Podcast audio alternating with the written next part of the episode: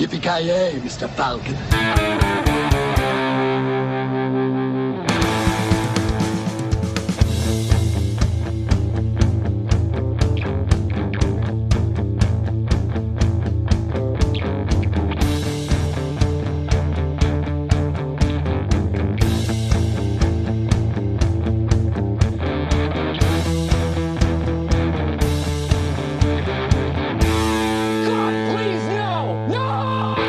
Ja, då hälsar vi välkomna till veckans avsnitt av Creative Meltdown Podcast. Eh, Den här veckan ska avhandla den kritikerrosade filmen Batman och Robin.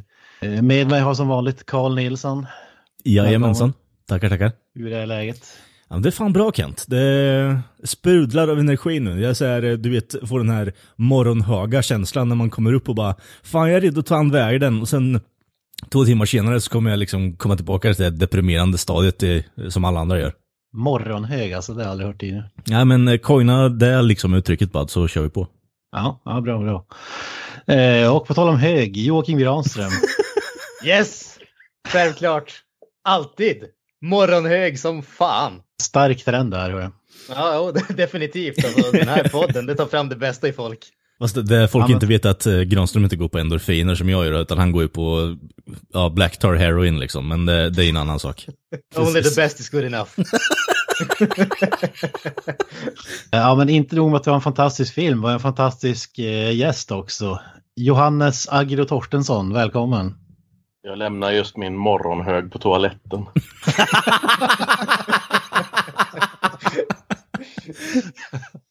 Ja, vad, vågar man fråga vidare kring det där eller?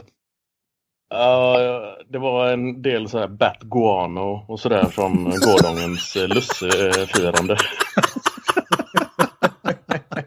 Snälla säg att du skrek Chicago när du kom ut från toaletten också. Ja, ja för fan. Alrighty then. Och gud vilken morgonlust jag har nu. Du har ju gjort eh, det mesta, men vad ska man säga, rappare, podcastare, programledare, serietecknare. Har jag glömt något? Eh, älskvärd person. Ja, vilka Alltså, det är lätt att man glömmer av den för att det är väl den som är mest effektiv, skulle jag tro. Är det någonting du inte kan? Ehm, för ett samtal i... Nej, men eh, vad ska man säga? Nej, men det är... Alltså, jag är väl ganska halvdan på det mesta. Jag testar mycket. Men eh, än så länge så har det väl eh, tecknandet gått helt okej. Ehm, jag, ju, jag ritar ju egna serier och släppte på... Eh, jag släppte min debutserie på ett förlag nu tidigare i år men eh, blev ju lite problem så med eh, Kung Flu som alla Trump-supporters kallar den. Mm. Eh, så eh, signeringsturnén och eh, alla de här mässorna blev inställda och eh, det påverkar ju eh, försäljningssiffrorna också. Så eh, ja, men det var en perfekt eh, idé att eh, bara gå och lägga sig i sängen och aldrig mer vakna upp. Jag kände mig som eh, Alfred i Batman och Robin när han fick eh, McGregors syndrom. Ja, fy fan, en sån käftsmäll alltså. Ja, men eh, alltså jag får ändå tacka förlaget för att de har ändå hypat eh, ja, två, tre gånger på Instagram. Eh, så jag menar det har ju varit en, det har varit en erfarenhet och eh, det, det kommer bli en bra start nu under nästa år när jag kör på egen, eh, på e, egen enskild firma nu. Så det, det ska bli skoj.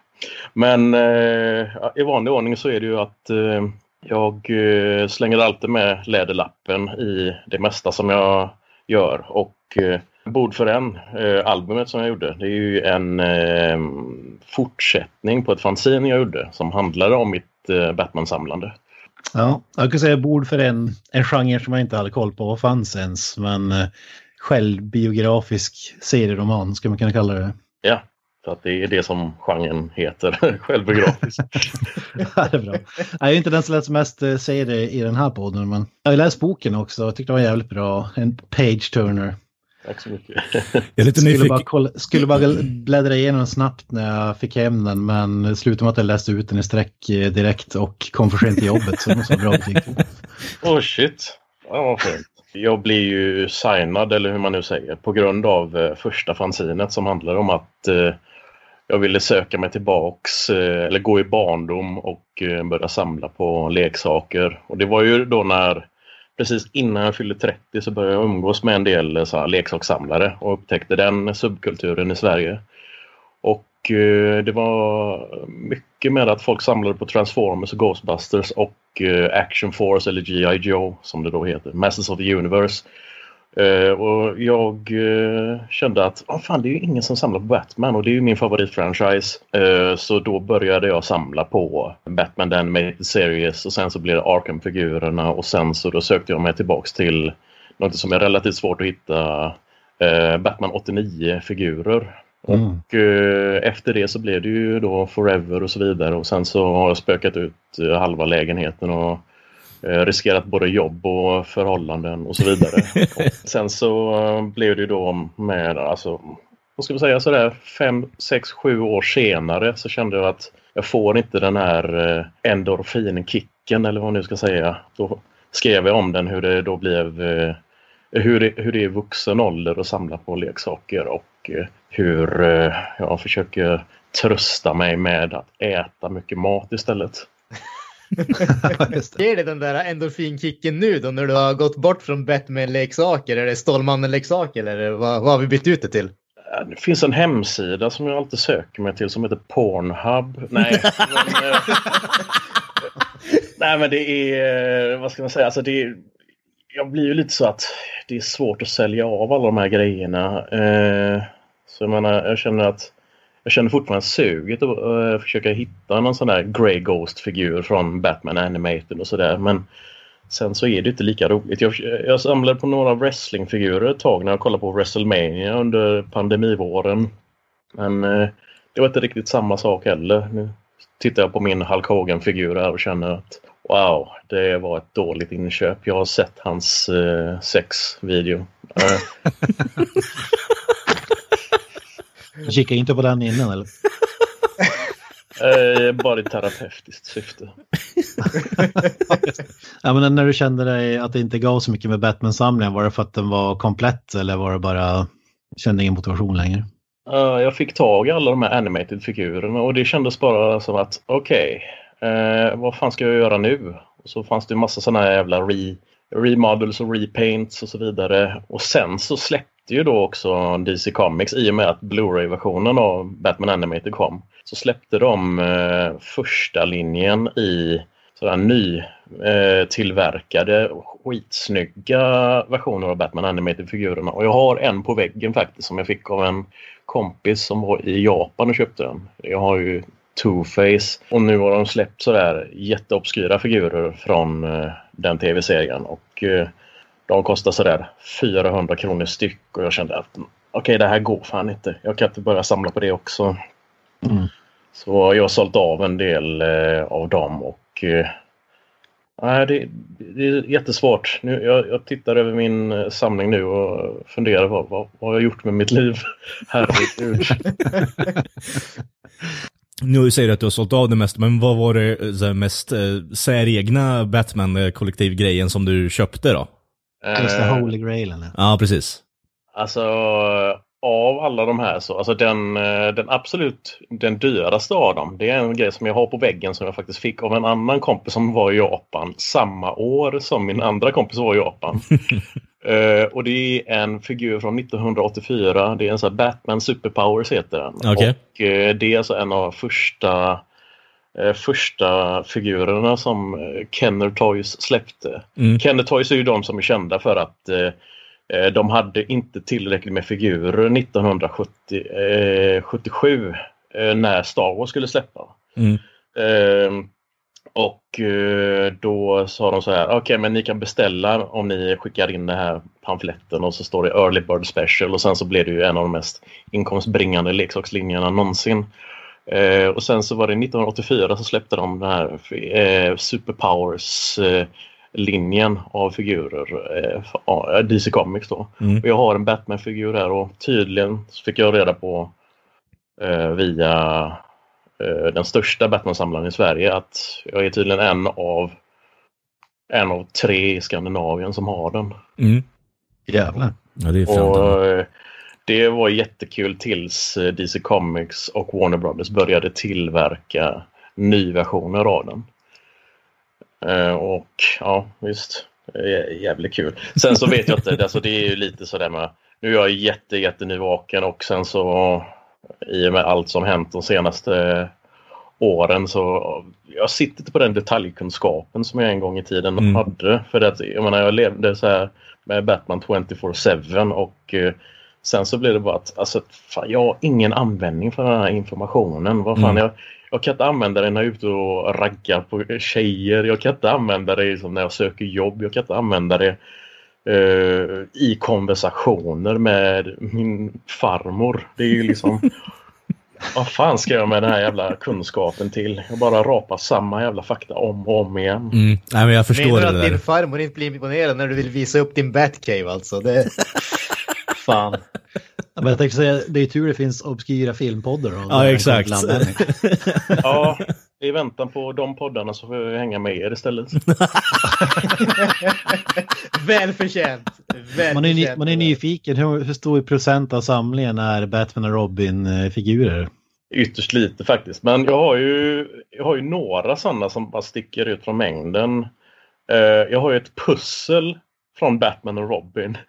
Och Det är så jävla jävla märkligt för att uh, själva motivet är ju Batman och Robin-karaktärerna Eh, tecknade som om det vore Batman Animated. Så det är ju liksom sådär. Eh. eh, de tre, Batman, Robin och Batgirl.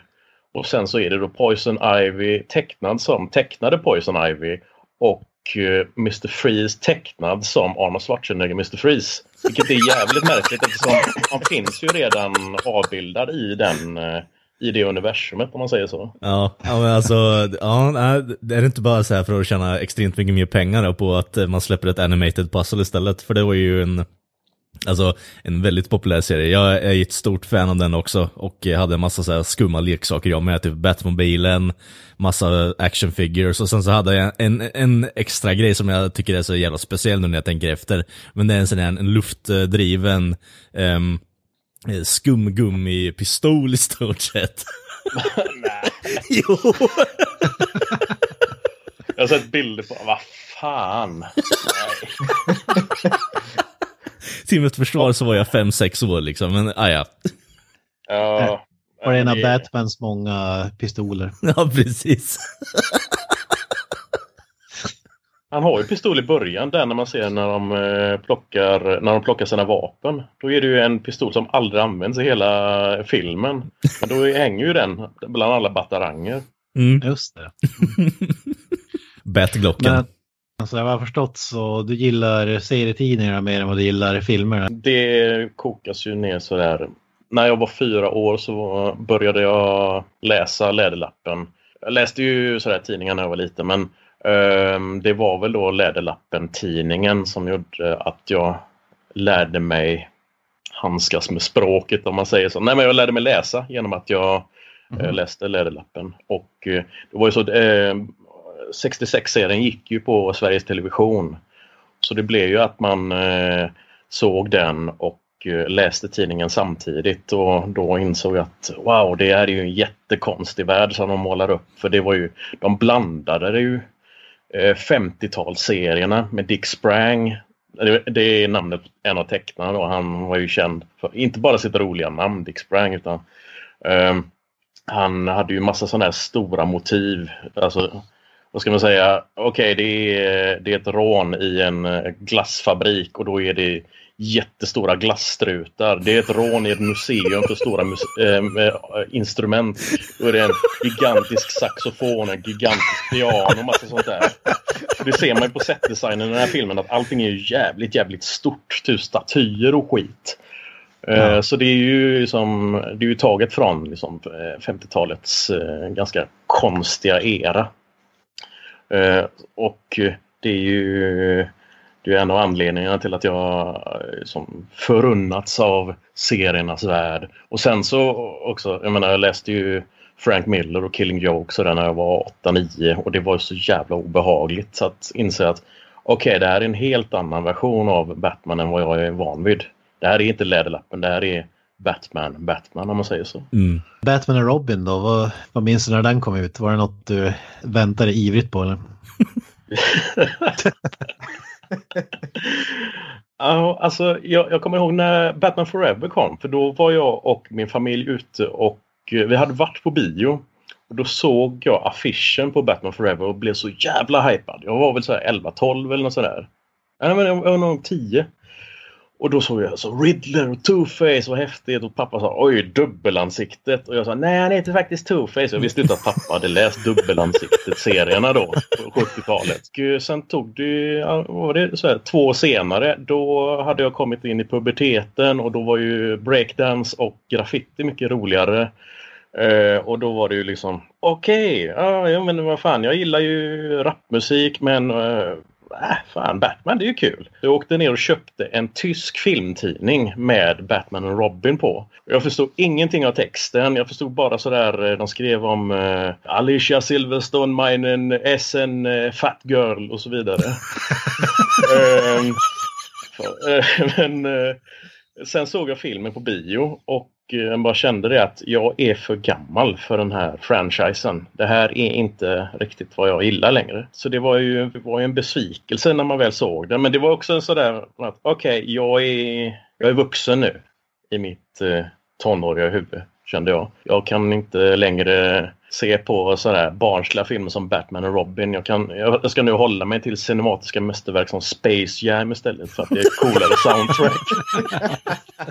ja, Kalle då, när, när såg du, eller minns du när Batman och Robin kom ut? Nej, inte sådär. Jag, jag var ju inte väldigt, eh, Batman-intresserad var man väl, men jag, jag kommer inte ihåg så här posters och sånt som man har eh, sett någonstans när man var yngre.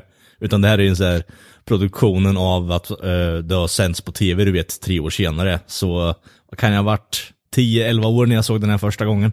Uh, på fyran eller någonting. När det begav sig. Och uh, blev ju som, som unge väldigt intresserad av den. Och nu på äldre år är jag intresserad av den på en helt, av ett helt annan anledning om vi säger så. Slockälskaren som jag Ja, ja, du teasar om att du älskar den här filmen, underbart. Granström då, du, du hade ju åldern inne. Du måste vara jävligt rätt målgrupp i det här laget eller? Alltså det jag tror inte att jag var det. Jag, jag, jag, kan inte säga att jag har något egentligen eh, klart minne av att jag såg den här filmen. När man såg de första två, så Tim Burton Batman-filmerna när man var eh, väldigt liten, då, då var det ju... Det, det var ju inte, man sa ju inte Batman då, det var ju barnförbjudna Batman. Och det fick ju den där lite sådär att okej, okay, det här är inte någonting som jag egentligen ska få se känslan så att säga. Eh, och sen så såg jag ju Batman Forever på bio och jag tror att i och med den filmen så fick jag väl någon sån där insikt att det här är som inte förbjudet längre och då var jag inte så jätteintresserad av Batman efteråt. Så jag, skulle, alltså, jag, jag, tror att jag, jag tror inte ens om jag hyrde den här filmen. Jag skulle tro att jag såg den på typ eh, TV4 eller någonting way, way back when och så något år efter att den är släppt och sånt där. Jag, jag har inget klart minne av att jag sett den tidigare annat än att jag vet att jag har sett den. Jävlar. Ja, själv fick jag faktiskt eh, den här VHSen i julklapp. Bästa julen någonsin. Istället för kol i strumpan. Kent har ju försökt stryka ihop den här VHSen tills den blir en diamant också. Det har han ju fått lite inslaget sen i alla fall. Det har tagit sin tid, men jag lyckas. Diamond in the rough. Det var ju Arnold Schwarzenegger såklart som lockade med den här filmen. På förhand i alla fall. Mm. Eh, men sen minns jag, jag ska faktiskt erkänna att jag minns inte att jag hatade den. Jag tyckte inte att den var särskilt bra, men eh, jag minns inte att jag hatade den som eh, många gör. Det var väl mer en ax axelryckning. Mm. Men jag har ju en... 66 Batman och så vidare och steget från det till det här är inte jättestort. Nej, det, det är väldigt så här enkelt funneled in på att det, det, är ändå samma typ av universum egentligen. Det är väldigt så här barnsligt, det är lite fånigt och sen så kommer man in med det där att gräver man lite djupare så ser man alla vuxenskämt här och var. Eller här och var, typ fucking överallt i den här filmen i alla fall. I hold your gems. I'll grab your rocks for you. grab your rocks och så vidare. Ja, det är fantastiskt. Suck my cock Robin. Nej. det Alltså- var nog inte den filmen. Jag menar, det, om, om vi gräver djupt i Joel Schumachers liksom, eh, på något sätt arkiv så tror jag att vi hittar någon alternativ scen där han har liksom bara för eget bruk på Suck my cock Robin, vad? Finger my asshole. Originalmanus. Ja, exakt. Han sålde det till, vad fan heter de, Wicked Pictures? Eller, ja, exakt. Brassers. Brass. Brassers. Ja. Ja, vi, har ju spekulerat här ja, om det var en hyllning till 66 Batman och jag plågar mig igenom kommentarspåret i filmen. Alltså jag, vä jag vägrar tro att kommentarspåret är värre, värre än filmen själv. Ja, men det, han, det finns faktiskt några guldklimpar där. Han, han säger bland annat, och det förklarar ju allt egentligen när man tänker efter. Alltså visst är det lite 66 Batman-feeling, men det var inte det som var meningen. Det, det var snarare att eh, Jim Carreys eh, sjuka, överdrivna humor i Batman Forever blev så jävla populär. Framförallt bland barnfamiljer. Så de skulle skruva upp den nivå. Och när du ber Arnold Schwarzenegger, eh, Uma Thurman och George Clooney spela Jim Carrey, då blir det Batman Robin. Det är ganska logiskt. Det förklarar faktiskt väldigt mycket. Ja, shit. ja det, det måste man inte säga. Arnold ska tävla med Jim Carrey om eh, vem som är mest eh, galen och rolig på Put film. that- put that- diamond down. Kill the heroes. Grab the gem, kill the heroes. All righty then. Vi kanske inte behöver gå in på scenerna direkt nu, men jag har en så här, grej jag vill ta upp som jag, som jag märkt av nu, som jag inte märkt av innan. Eh, scenen när, eh, spoiler, han ramlar ner i en så här, vattenbad och blir Mr. Freeze, Arnold. Eh, när han gör det så spelar de tillbaka massa footage och så i den här jävla videoinspelningen så hör man ju honom bara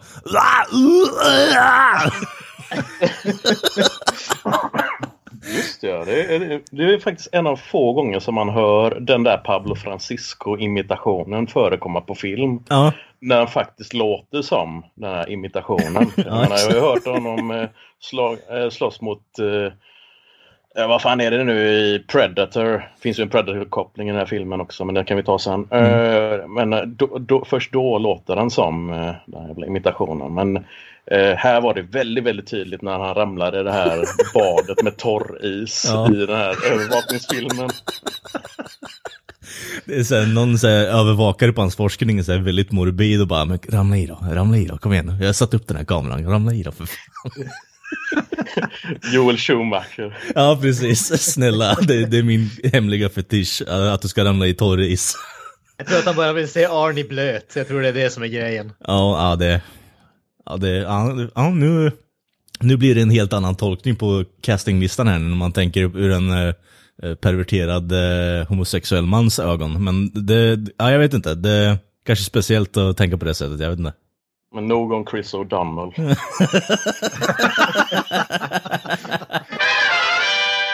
Robin-kostymen i den här filmen är ju fan solid. Det är typ den bästa kostymen. Jag älskar designen på den. Mm. Jag är svag för Batgirl-kostymen faktiskt. Den är jävligt trevlig den också. Fast å andra sidan känns det som den tjejversion av vad vi redan har fått med Batman och Robin. Ja, men... Eh, ja, Nej, jag är inte Och Joel Schumacher. Bat-nipples dessutom. Precis. Ja, men ska, jag tänkte säga, ska jag tolka det som att du gillar Bat Nipples och eh, Bat-suspensoaren och hela det där med dräkten alltså? Bat-bulge är ju det bästa vi har fått i eh, filmhistorien. Eh, Alltså, jag, jag menar, det, det går ju ingenting emot Batbulgen från 66, men det är ju en annan sak liksom. Det där var också en grej on set, att eh, George Clooney hävdade att eh, eh, Chris O'Donnell hade mutat skulptören och fått en större kapp än vad han hade. There's something about an anatomically, cor- anatomically correct rubber suit. Och då Schumach- Schumachers förklaring var att ja, men vad fan, han är ju kortare, det är därför den ser större ut. Men, jag vet inte. Jag tycker det skiljer sig markant på den fronten om jag ska. Ja, Schumacher visar sin bias liksom. Ska vi ta rollistan? Den Ja, är vi. ändå solid så in i helvete. Mm. Alltså bara att Arnold är med, redan där är allt, ingenting annat är intressant. Jag menar, du behöver ju aldrig kolla på en Batman-film mer igen i hela ditt liv egentligen. Nej, alltså det måste vi tacka Schumacher för att han introducerade Arnold i Batman-universumet. Det är ju det, det, är det bästa han har gjort, får man ju säga. Ja, ja, ja, men det, är- det är lite kul att han är, precis som Jokern, bäst betalare i den här filmen. 25 miljoner dollar. Det var han värd. Definitivt. Jag, jag, jag var lite förvånad när han hade toppbilling dessutom. Han kom ju fan innan George Clooney och allting. Men George Clooney var ju bara City-akuten skådis. Han hade gjort från Dusty Lawn tror jag, just innan den här. Men förutom det så var han ju helt oprövad. Mm. Och uh, Killer Tomatoes. Yes! Just det, just det. Icke att förglömma. Men det var också lite kul att uh, Bat Kilmer, som ni kallar honom, Ja, eller Fat Kilmer, jag vet inte. blåste i Schumacher och väntade in i det sista med att meddela att han hade hoppat på att göra filmen The Saint, en blek James Bond-kopia till film. Så det blev panik att titta, för den här filmen gjordes ju mindre än ett år efter, eh, det var ett halvår efter Batman Forever, det var ju sjukt eh, tätt inpå i alla fall. Fy fan. Så då var det panik att hitta en ny Batman och då var det, ja, George Clooney sa ju att, ja vad fan, nu får vara med i årets största film, har bara gjort tv-serier och From Dusty Lawn och Killer Tomatoes innan. Mm. Varför inte? Ja, det här borde ju definitivt vara jävligt tacksam, speciellt med tanke på hur hans karriär har gått efteråt. Alltså, jag menar, visst, den här filmen är inget äh, mästerverk på något som helst sätt, men man kan ju inte klaga på att, han har, att det har gått dåligt för honom efteråt i alla fall. Det här var väl hans fot in i Hollywood så att säga. Ja, alltså han pikade med From Till Dawn skulle jag påstå, men eh, visst. Det större stjärna är nu. det var lite väl hårt kan jag tycka. Han gav ju halstatueringar ett ansikte i, i den filmen. Eh, vad- säger du Hannes om Batman-valet? Obeprövad eh, skådis. Eh, alltså personligen så gillar jag eh, George Clooney för vad han är nu för tiden. Alltså han har ju blivit lite som en Bruce Wayne i Hollywood. Här Playboy-köret och eh, eh, det faktum att han eh, har den här typen av eh, superstar-status.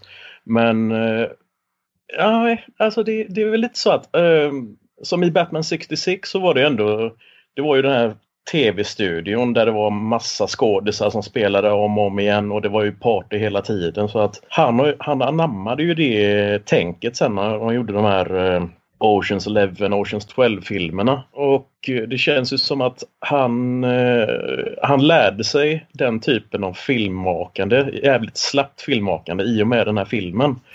Som, eh, som Batman så är han ju inget vidare. Jag menar det är Hi Mr. Freeze, I'm Batman. Det är, det är den näst sämsta deliveryt av I'm Batman-raden eh, någonsin. Det är bara, det är bara, bara Val Kilmer som säger det sämre. Den när han försöker hävda det i cirkusen. Det är bara I'm, I'm Batman, I'm Batman. Ja, fan, ingen hör det ändå. Uh, nej men alltså, väl Kilmer. Alltså, det, ja, absolut, visst det är synd om han och hans jävla cancer och så vidare och hans jävla metastaser. Men uh, fan vilken jävla dålig Batman det var. Nej, herregud. Nu, nu, nu, är vi, nu sätter du hela podden mot dig. Eller åtminstone mig. Jag tycker Ja, ja, Nej, hela podden. Nej men det är lugnt. Du, du, eh, jag var- jag eh, trampade in den här death trappen ändå. Det visste jag när jag gick med i den här podden. Men att alltså, eh, Val Kilmer hade ju så jävla mycket grejer för sig under, alltså i privatlivet. Så, och det var ju dels skilsmässan och dels det här jävla megalomaniska tänket. Och att han käkar skalbaggar och så när han spelar in film med Marlon Brando. Eh, men eh, Jag läste också att han hade hotat någon i personalen under inspelningen av Batman Forever att fimpa ciggen i ögat på dem. Ja, just det. Ja. Han gjorde ju samma när han gjorde Dr. Moreau också. För att han fick ju sådär jävla abstinens, nikotinabstinens då. Då eh, tog han en cigg och kastade mot någon jävla second director typ. Sådär. Men eh, jag menar, han var ju inte särskilt ödmjuk. Man ser ju att det här det är ju en ödmjuk skådis vi har som Batman slash Bruce Wayne. Och att de här scenerna med Alfred och Bruce Wayne, de är ju ändå väldigt mänskliga. Problemet är ju att det här är ju den tredje Batman han har fått på liksom, eh, ja, sen 1989 så att Mm. det känns ju inte särskilt bra. Det känns ju bara som att ja, vi har ju gamle Alfred Goff ännu en gång och han är nu döende i den här eh, märkliga sjukdomen. Eh, och så får man se de här flashbacksen och sen så, okej, men där står George Clooney och ser flashbacks. Men vad fan, det är ju, är han Bruce Wayne nu? Vad fan är detta? Det är ju, de byter ju, de byter ju Bond, eller, eller de byter ju Batman eh, skådisar mer än vad de bytt Bond-skådisar. Äh, äh, men han, han är rätt skön ändå. När, när de reste runt i de här pressjunkitsen då sa han typ ja men lyssna, filmen suger och jag suger i den. Eh, Jag hoppas, jag hoppas på att jag inte sätter eh, gravstenen för Batman på film eh, efter den här. Okej, Och ja. Det var ju nästan det jag gjorde. Får man ju säga. Nej, jag vet inte om jag vill påstå det, men eh, det är ju ändå bra att han kan ha avstånd alltså, till sig själv på det där sättet också och kunna erkänna det i alla fall. Men, ja, men han, han är inte bra i den här filmen, jag är ledsen. Han kan inte emotera överhuvudtaget. Det, det är nästan som att uh, Uma Thurman snor all hans jävla personlighet i den här filmen. Och uh, ja... Ja, vad säger du om Uma Thurman då? Underbar, underbar, underbar i den här filmen. Gör hela den här filmen. Alltså, hon, lyck, hon lyckas ju få allting som hon säger i den här filmen lyckas hon få till en monolog. Ja, Och det är så jävla underbart. Jag älskar det verkligen. Hon, hon har alltså. Hon tar inte det här seriöst för fem Nej. öre, vilket är den perfekta nivån av att ta någonting seriöst i den här filmen. ja. Alltså, om man inte har kommit under- överfund med det redan när man läst manus så är man ingen bra skådespelare. Uma Thurman gör ett perfekt jobb i den här filmen och överspelar utav helvete. Det är liksom, det är nästan eh, gränsfall på gorgonzola-doft hela jävla filmen här alltså. Alltså Poison Ivy i den här känns, skulle kunna vara en skurk i 66 Batman. Så, Ja. så. Tveklöst. Alltså det är ju, jag har för mig att den skurken debuterade ungefär när, jag tror fan det debuterade 1966 samtidigt som tv-serien gick. Mm. Så det var väl också att det var ju väldigt, väldigt eh, fresh out of the press. Så med att det, det dök upp en, eh, en växtbaserad skurk som eh, slog ut alla andra kvinnliga växtbaserade skurkar. Växtbaserad, vilket jävla ordval, ursäkta. Men, eh, men det var väl också att jag tror att eh, ja, men hon hade väl ingen eh, större koll på eh, Batman överlag och det känns ju som att hon bara utgått från Batman 66 och kollar hur, på liksom hur de här kvinnliga skurkarna i den serien har spelat. Då var det ju liksom så här Ja. Zelda the Great, Catwoman och så vidare. och eh, jag menar karaktären i sig är ju eh, det är väl baserat på, eh, vad fan heter den? Eh, Rita Hayworth bygger Mm. på den här rödhåriga Hollywood-skådisen från 40-talet. Mm. Eh, och att det ska vara då eh, otroligt attraktiv kvinna och eh, hon bara kör växtbaserad brott. Nu säger jag växtbaserat igen, vad fan är det med mig? Nej men att eh, hon eh, förgiftar folk och eh, det är en väldigt rolig sekvens i, vad heter den nu? Läderlappen nummer, nu ska vi se, Läderlappen nummer 13 1966 som jag har här i handen. När hon springer upp för en vägg och Robin säger Oj, hon springer upp för en vägg som en murgröna. Och det var det som var hennes, hennes liksom, stora grej med att hon kunde göra saker som växter kan. Men det löser sig ganska bra. Nästa ruta så kastar ju ledlappen en batarang och hon ramlar ner och slår sig.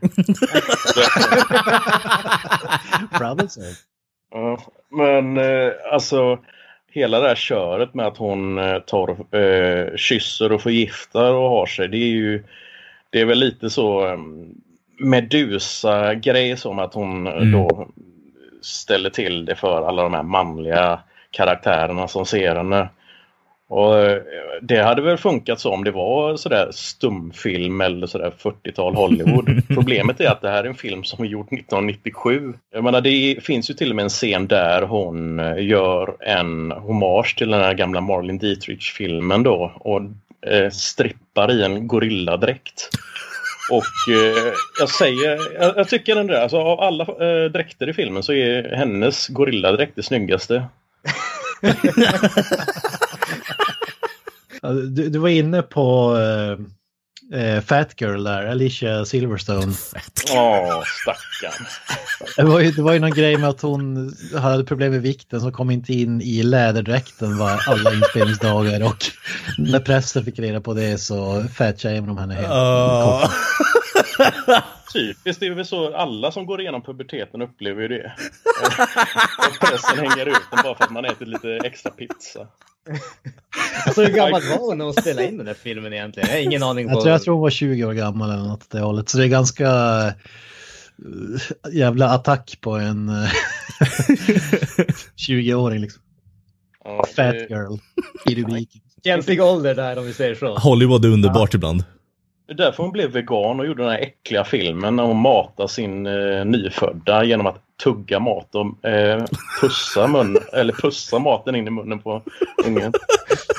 Det var en jävla fågel. det låter väldigt bisarrt. Vi behöver inte gå igenom alla i listan, men det, det finns ju två namn som sticker ut. Har jag en svenskt inslag också? Jajamän.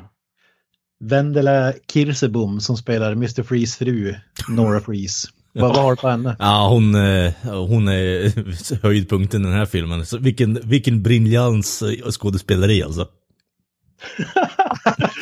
Ja, hon har de bästa replikerna kan man säga. Ja, Eh, Och sen det tyngsta namnet som borde ha varit toppbildningen. Vad säger du Granström? Alltså tveklöst, det, det är ju en skam att vi inte får toppbildning på det här. Alltså så, så här är det ju i ärlighetens namn att eh, fram, alltså jag såg hela filmen och tyckte att alltså, det här är den sämsta jävla Batman-filmen som jag någonsin har sett.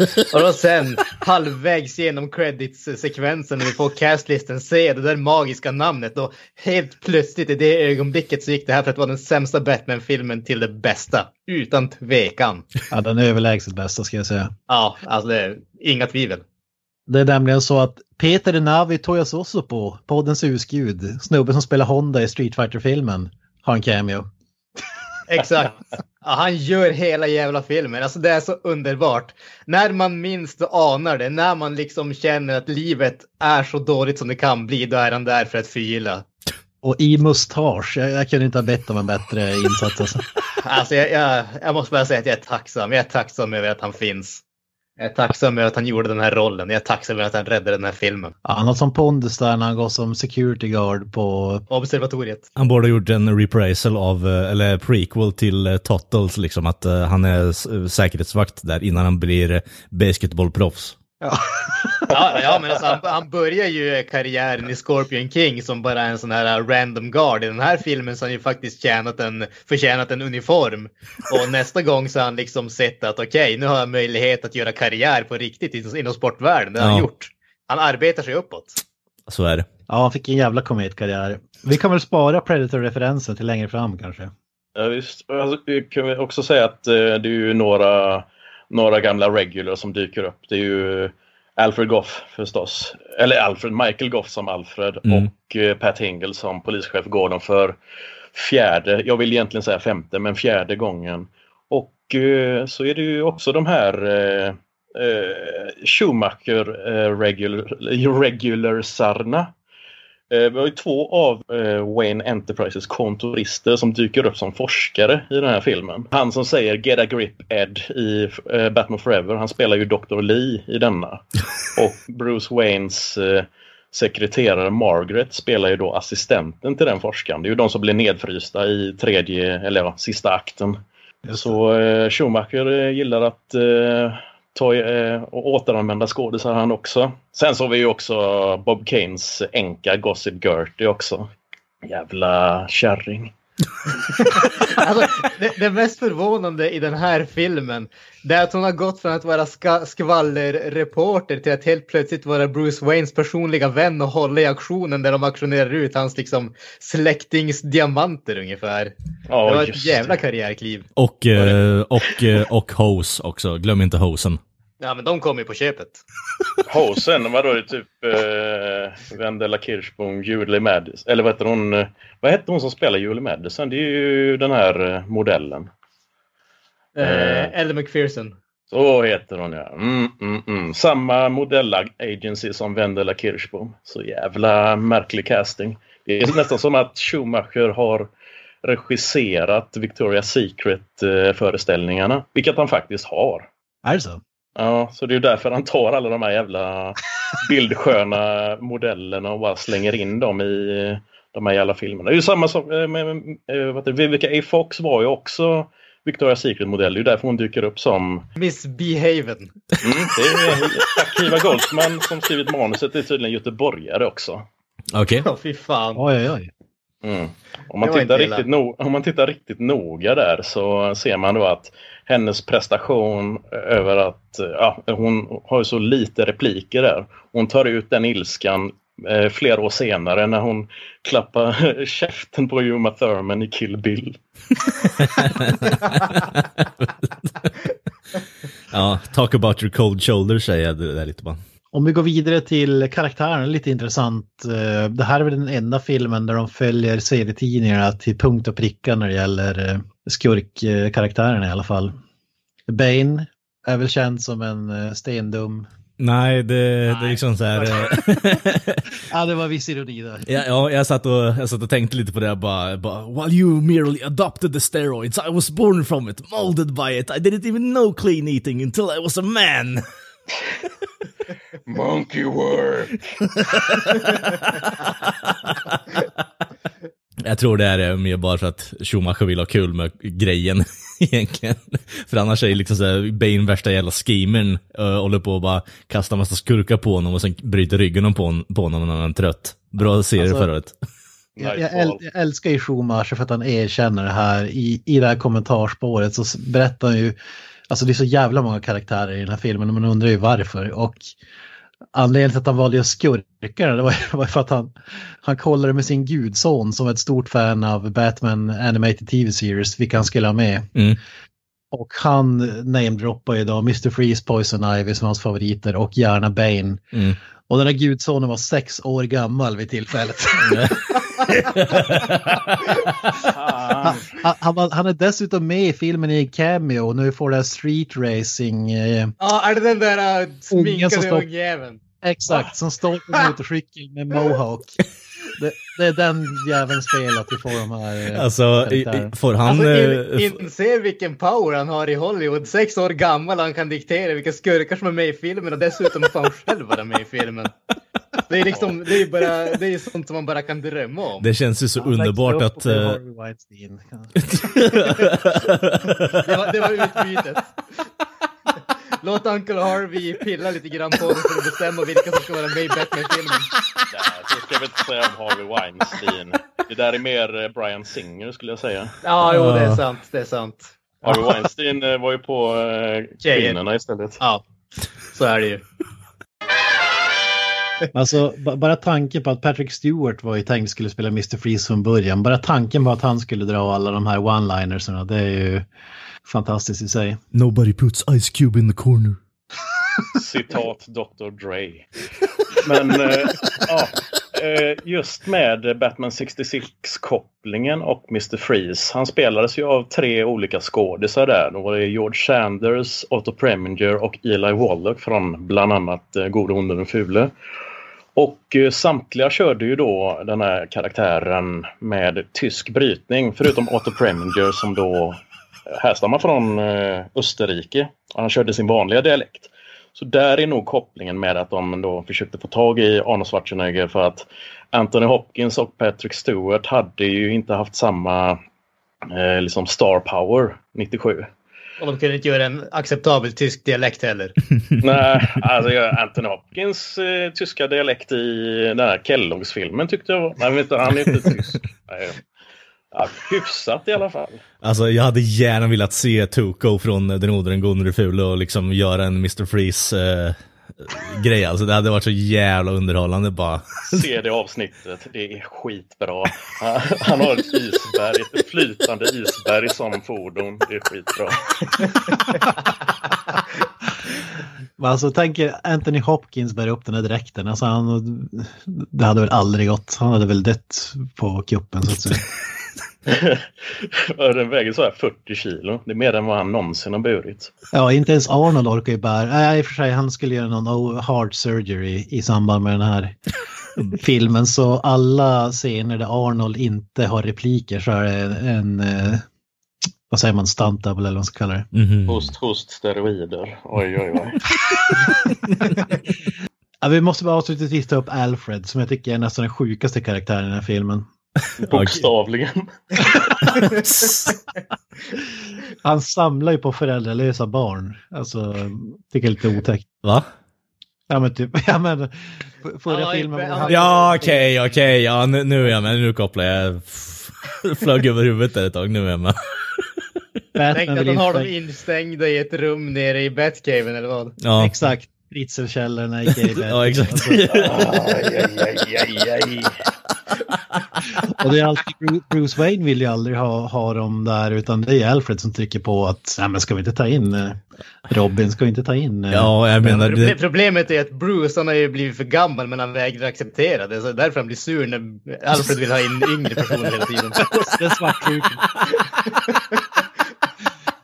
Men det är också fantastisk tanke att det är Alfred som har byggt Batcaven, eh, Batmobilen, datasystemen eh, mm. och håller rent huset. Alltså, det är, Alltså, Ja, men alltså- interiören. Det är ju sjukt med liksom, jag tänkte på när de kör i början av filmen med att okej det är bredare nu så att de kan köra Batmobil och eh, Redbird-cykeln bredvid varandra.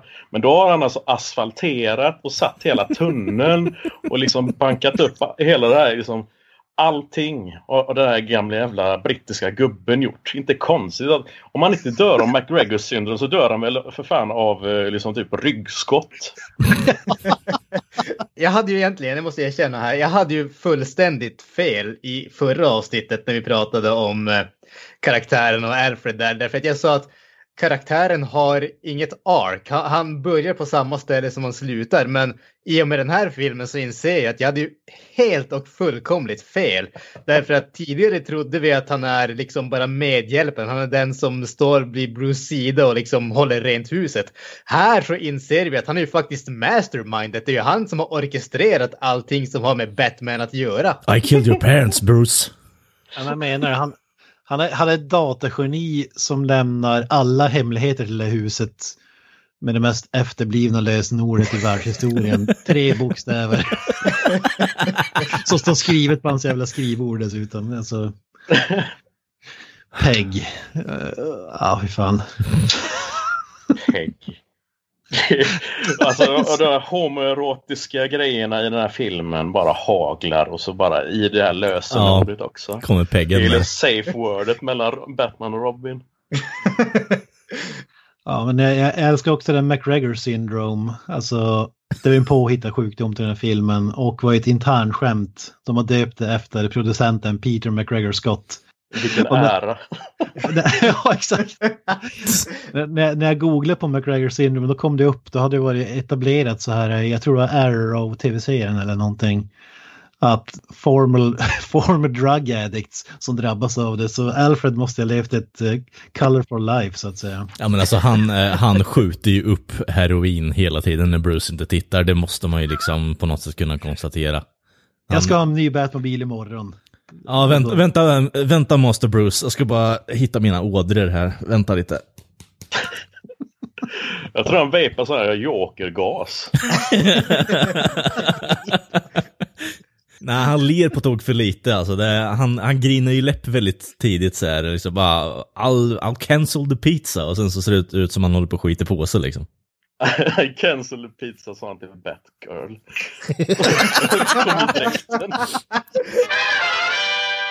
Bara tanken vid att Alfred skulle titta på Batmobilen. Alltså typ, ja, den, om man jämför det med första filmen, alltså en mörk stealth-bil. Vad vill du ha den här gången? Vill du ha en blinkande cirkus? Ja, det är typ spotlights i fälgarna och så vidare. Herregud. Eh, alltså, man får ändå säga alltså, min, min eh, favorit är ju Anton Försts eh, design. Den som var med i 89 och 92. Mm. Setdesignen då för filmerna var ju, eller för första filmen var ju Anton Först som då designade både Batcaven och dräkten och så eh, loggan som numera är den kända Batman-loggan. Och han var inte med och gjorde filmen 92 för att eh, han begick självmord efter en skilsmässa, sägs det. Men jag tror faktiskt att han var synsk och att han hade sett in i framtiden av vad Schumacher skulle göra med filmen. Så att han, han hoppar nog från det här hustaket på grund av detta. Eh, Barbara Ling tog över produktionsdesignen i eh, Batman Forever och hon fick inte igenom sin Batmobil som hon presenterat i Batman Forever. Eh, Däremot så togs den designen och gjordes till Mr. Freeze eh, bil i denna filmen. Eh, och bara, fy fan vad ful den bilen är om man jämför med det här vrålåket som man får. För jag tycker att uh, efter Anton Firsts bil i Batman 89 och Batman 92 så är det här den som faktiskt uh, håller på film. Den är ju lite sådär extravagant och sen också med Giger-designen från 95-versionen då också. Med att det lyser att det ska vara något monströst på insidan. Men det är fortfarande neon. Ingen blir rädd av neon. Kolla på det här jävla neongänget. Ingen är rädda för dem. Det är som, man blir inte rädd av neon. Man, man blir lite besvärad kanske. Men man blir inte rädd på samma sätt som när man ser eh, den här fruktansvärda jävla flygande grejen de har i, eller vad är det, Batplane de har i eh, filmen innan. Den är ju läskig. Här är det liksom som att okej, okay, det här är någon slags jävla micromachine föreställning som de ska ha. Och så kommer det med massa jävla idiotgrejer. Det, det är väl också att filmen skulle då etableras som en jävla lång reklamfilm. Det skulle vara toyetic för att de förlorar så mycket spons på grund av McDonalds i andra filmen. Därför liksom växeln är så jävla hög i Batman Forever och Batman och Robin. Jag har druckit kaffe nu förresten. det är väl allmänt känt att det skulle in så mycket fordon, karaktärer och så vidare för att kunna göra så mycket leksaker som möjligt och får vi inte minst där i slutscenen när de byter, helt plötsligt bara byter till helt nya dräkter och kommer ut i varsitt fordon som används i cirka 15 sekunder. Och så ser vi det aldrig mer. Och Batgirl fick ju inte ens eh, en egen cykel i sin leksakslinje. Det är det som är så jävla rötet. Det är hon som kör en egen eh, separat cykel just i den ja. scenen. Jävla... Fan, jävla produktionsfel där. Men vad fan, om, om det ska vara en reklamfilm för leksaker, då får de för fan eh, ta och leverera. ja, exakt. Fan har vi gjort det här i onödan. Vi klämde in 20 nya motorcyklar. Alicia Silverstones fel, fan. Hon borde ha fat mer. Det får stå för dig. ja just det, jag vet att de skulle gå mer eller något sånt. Nej, det hade varit så bra om hon hade fått en crescent till den här leksakslinen istället. för motorcykel. Ja, en vanlig cykel bara. Skulle vara en mobil stairmaster som hon får omkring på. Uncle Alfred, I'm walking! I cancel the pizzas again. Ja, Alfred och Batgirl är... Åh, oh, herregud. Radarparet, att vi inte fick en spin-off med dem alltså. Oh, fy fan det var bra att vi inte fick spin-offen. Herregud. Det var, det var ju på gång. Det var ju det som var det värsta. Ja, men vill du säga Uncle Wilfred också dyka upp där? Och... Ah, nej men fy fan, vad är det? Ja, men alltså, det, ja, men det, måste, det kan inte vara något annat än setup för antingen en spin-off eller en fortsättning. Man visste att, eh, vad heter han, Michael Gove var liksom på sista strängen här. Alltså man liksom var beredd på replacement uh, character actor liksom. Och så fick vi någon random som bara dök upp i svartvita bilder ungefär. Jag gillar också att han kör Alta Vista-grejen. Där när han ska söka reda på sin förlorade bror. Ja, Google var ju inte riktigt uh, top of its game yet. Så det... Det, är då man skulle... var, det var inte Alta Vista heller. Nej, i och för sig. Men, nej, internetsökning back in the day var fan inget att leka med. Alltså det... Det, och när man gjorde internetsökningar back in the days fick man tydligen en gul pil också som pekar ut personer du har sökt på på skärmen.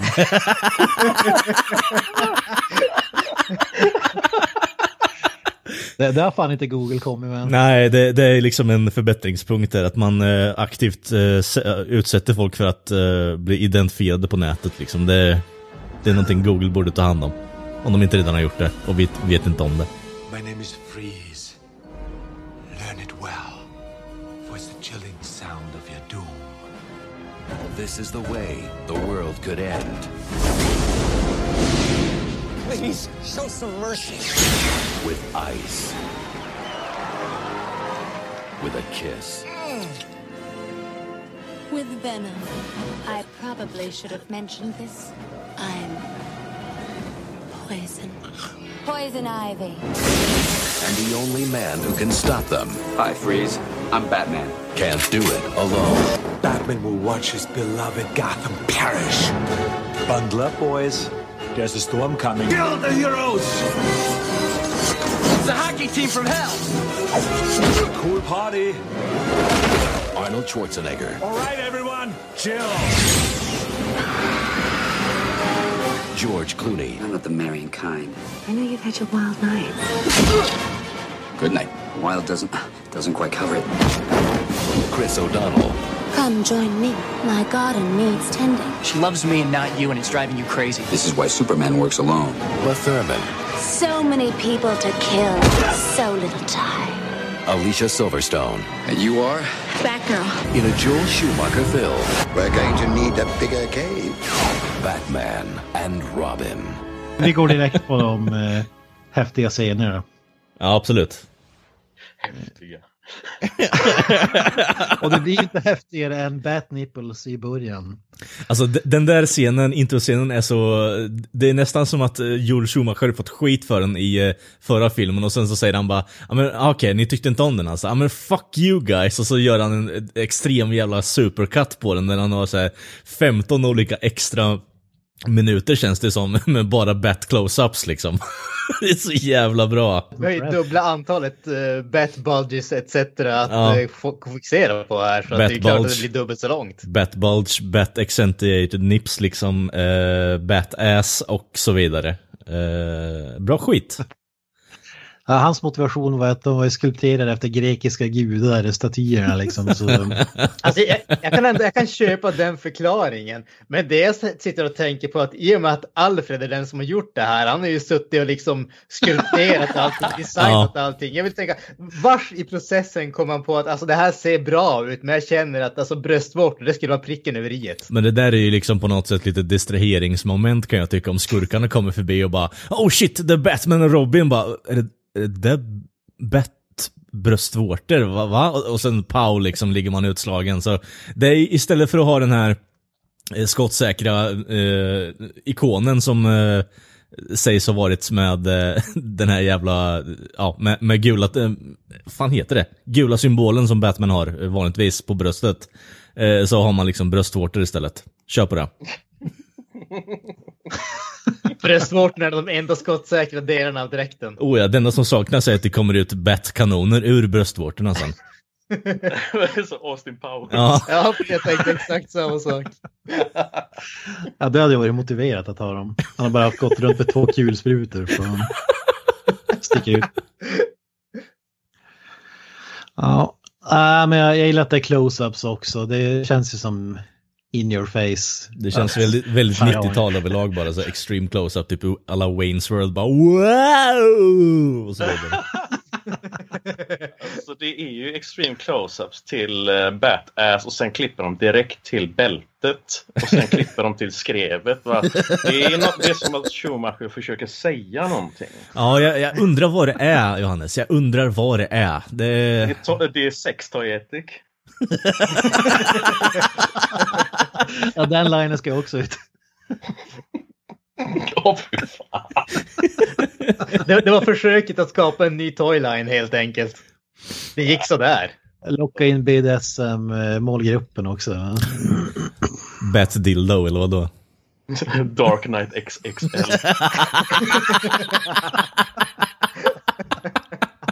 Ja, vad, vad- säger du om Mr. Freeze första scen? Jag tror jag räknade till sex eller sju Ice Puns. Ja, det... Jag vill ju ge honom cred för det, men samtidigt så är det ju liksom... Det är inget innovativt på det här sättet, men det är ändå någonting som sticker ut i den scenen och det är ju den där jävla pansen. Jag älskar ju den här jävla hockeyscenen på något sätt för den är så jävla dumt. Och så har ju Batman och Robin inbyggda skridskor i sko, alltså bootsen. Det... Ja, men, ja, men alltså, Ja, men alltså, det, det, det är alltså precis när de slår ihop klackarna Ja. vad heter det, Alice, eller Dorothy, vad heter det? Eh, ja, Wizard of Oz. Eh, Oz. Alltså, Mm. Exakt då inser man att den här filmen tar inte sig själv seriöst för Nej. fem öre heller. Efter det så kan man inte ha några förväntningar. Där är det bara enjoy the ride så gott som det går. Oh no, the hockey team from hell! Min favoritsekvens i den här scenen det är ju när eh, Mr. Freeze kastar den där säkerhetsvakten typ rakt Ja. upp. Det är ett gevär helt enkelt. Att de, de rör knappt i varandra och vakten bara flyger all världens väg. Det är nästan som man kan se linan där, men det kanske bara var jag. Ja, linan som Schwarzenegger tog innan han spelade in scenen. Ja, exakt. Men alltså den som har skrivit manuset har ju helt missuppfattat Arnolds one-liners. Alltså, Skojar du? Va? Visst, det är ju, ja, vi- visst är det ordvitsar i vissa av hans sådana one-liners.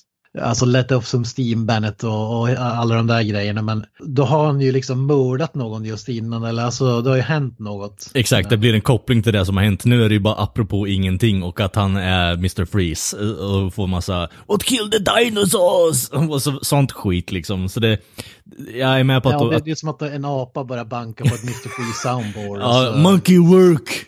Du beskrev just kompositören till de här jävla filmerna. Elliot Go- eh, Goldenthal, eller vad fan heter han? Så jävla röten jävla ersättare till Danny Elfman. Jag blir förbannad. Åh. Ja, ja, till och med där misslyckas den här filmen så att säga. Den börjar ju som en diamantkupp den här scenen och Mm. slutar med ett jävla space adventure där eh, Batman Robin surfar på några jävla ståldörrar som surfbrädor Ja. från himlen och ner och skriker kawabanga. Vil- jag- Vilken funktion fyller det att de surfar på de där dörrarna? Jag, jag vet att det är en fråga som ifrågasätter logiken i den här filmen och den har ingen logik. Men vilken funktion fyller det annat än att det ska... Alltså, enda orsaken är för att de ska kunna säga kawabanga i likhet med Turtles som, som skater. ja, i stort sett. Ja. Kawabanga. Vem fan sa Kawabanga 1997? Alltså, den var, den Michelangelo. var Turtles som störst. Var det, det var tidigare kanske. Ja, det var Börja, 87. slutet av 80, början av 90 skulle jag säga. Ja. Det här är liksom så här, eh, filmmotsvarigheten av Steve Buscemi som kommer in och bara Hello, how do you do fellow kids? Ja, ja, men det här är garanterat för att det ska locka mer kids. Ja, vad, vad är populärt hos kidsen? Och så är det Gregory, 65, som sitter i författarrummet. Ja, Turtles har ju mitt barnbarn för We, tio we år gotta sedan. give the, we gotta get the youth into the movie theater. Ja?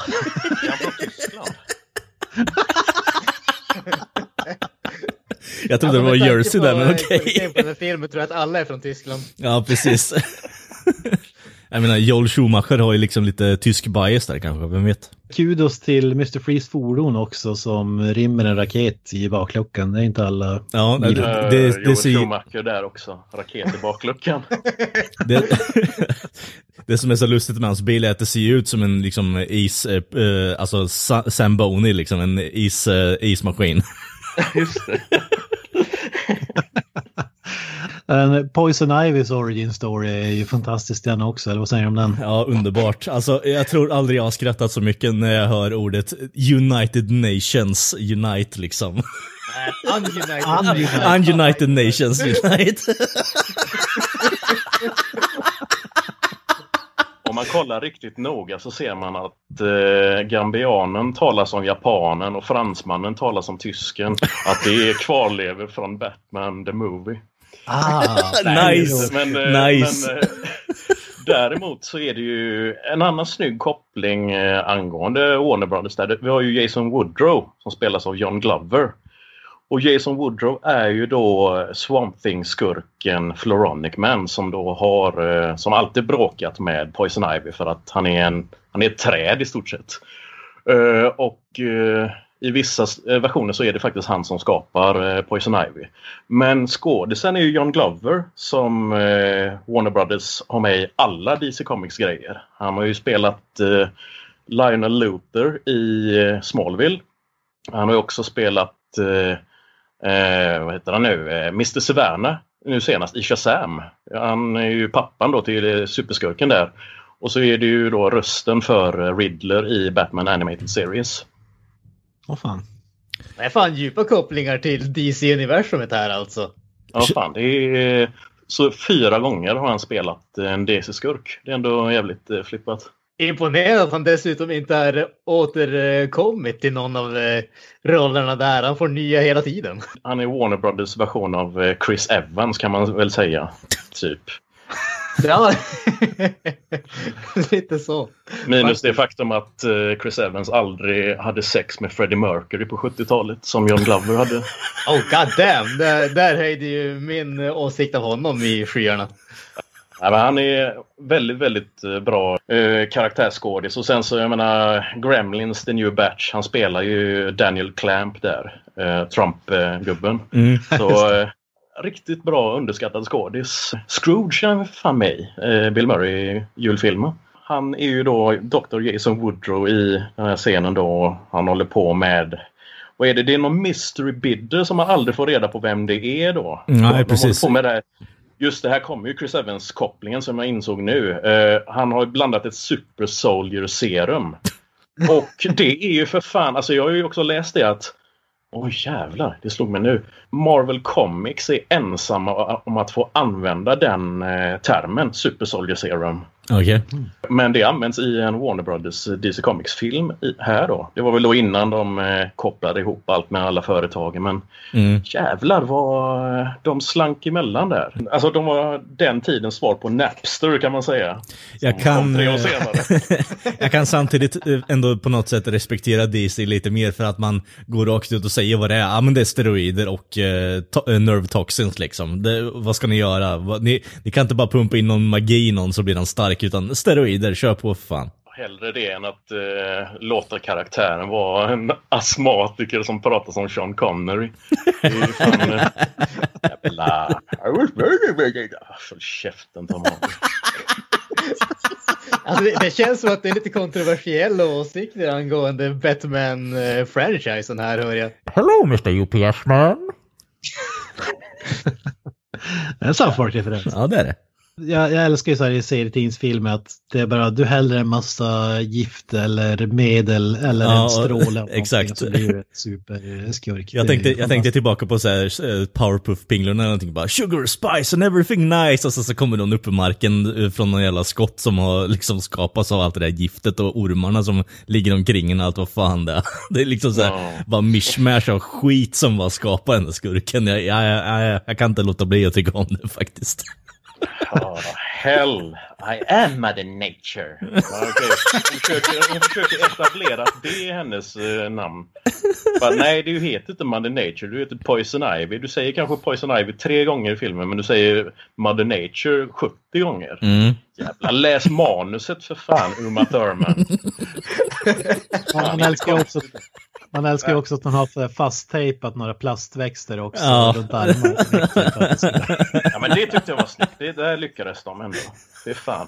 Man ser ju att det var ju som, okej det här kommer vara årets halloween-dräkt då, 97. Det är, det är typ 23 år senare och det har fortfarande liksom ägt rum. Alltså, Ja, vi jag, jag tänker bara de här, äh, det påminner mig om populariteten av de här heter, Turtles-maskarna som var typ eh, tallrikar med hål i som du satte ett gummiband i runt huvudet.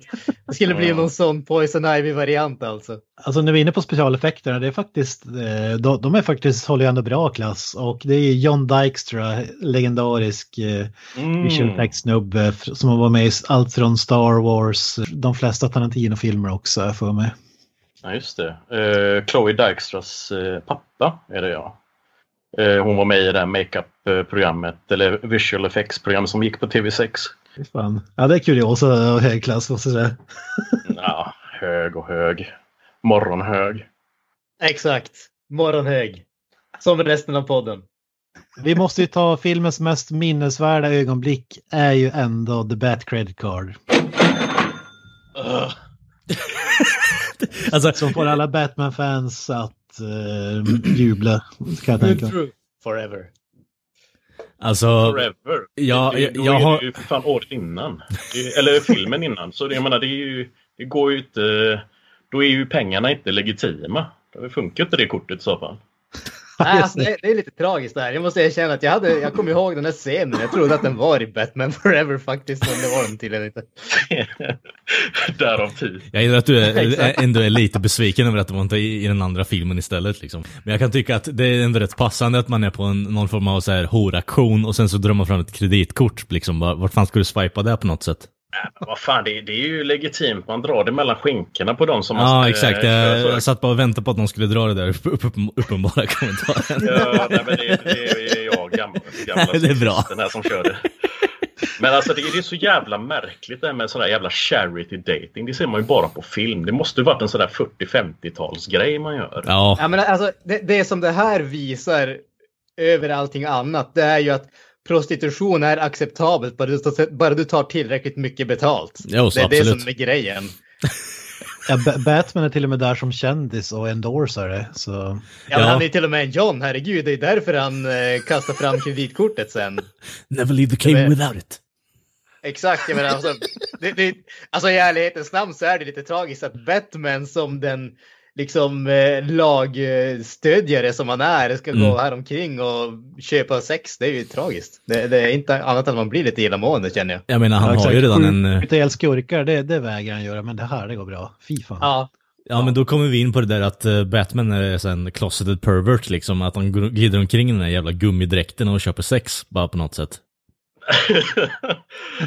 alltså, Det är så att hellre- inte ska kunna sätta dit honom på surveillance. Ja, footage. precis. Batman är ingen superhjälte, han är en super-John med andra ord liksom.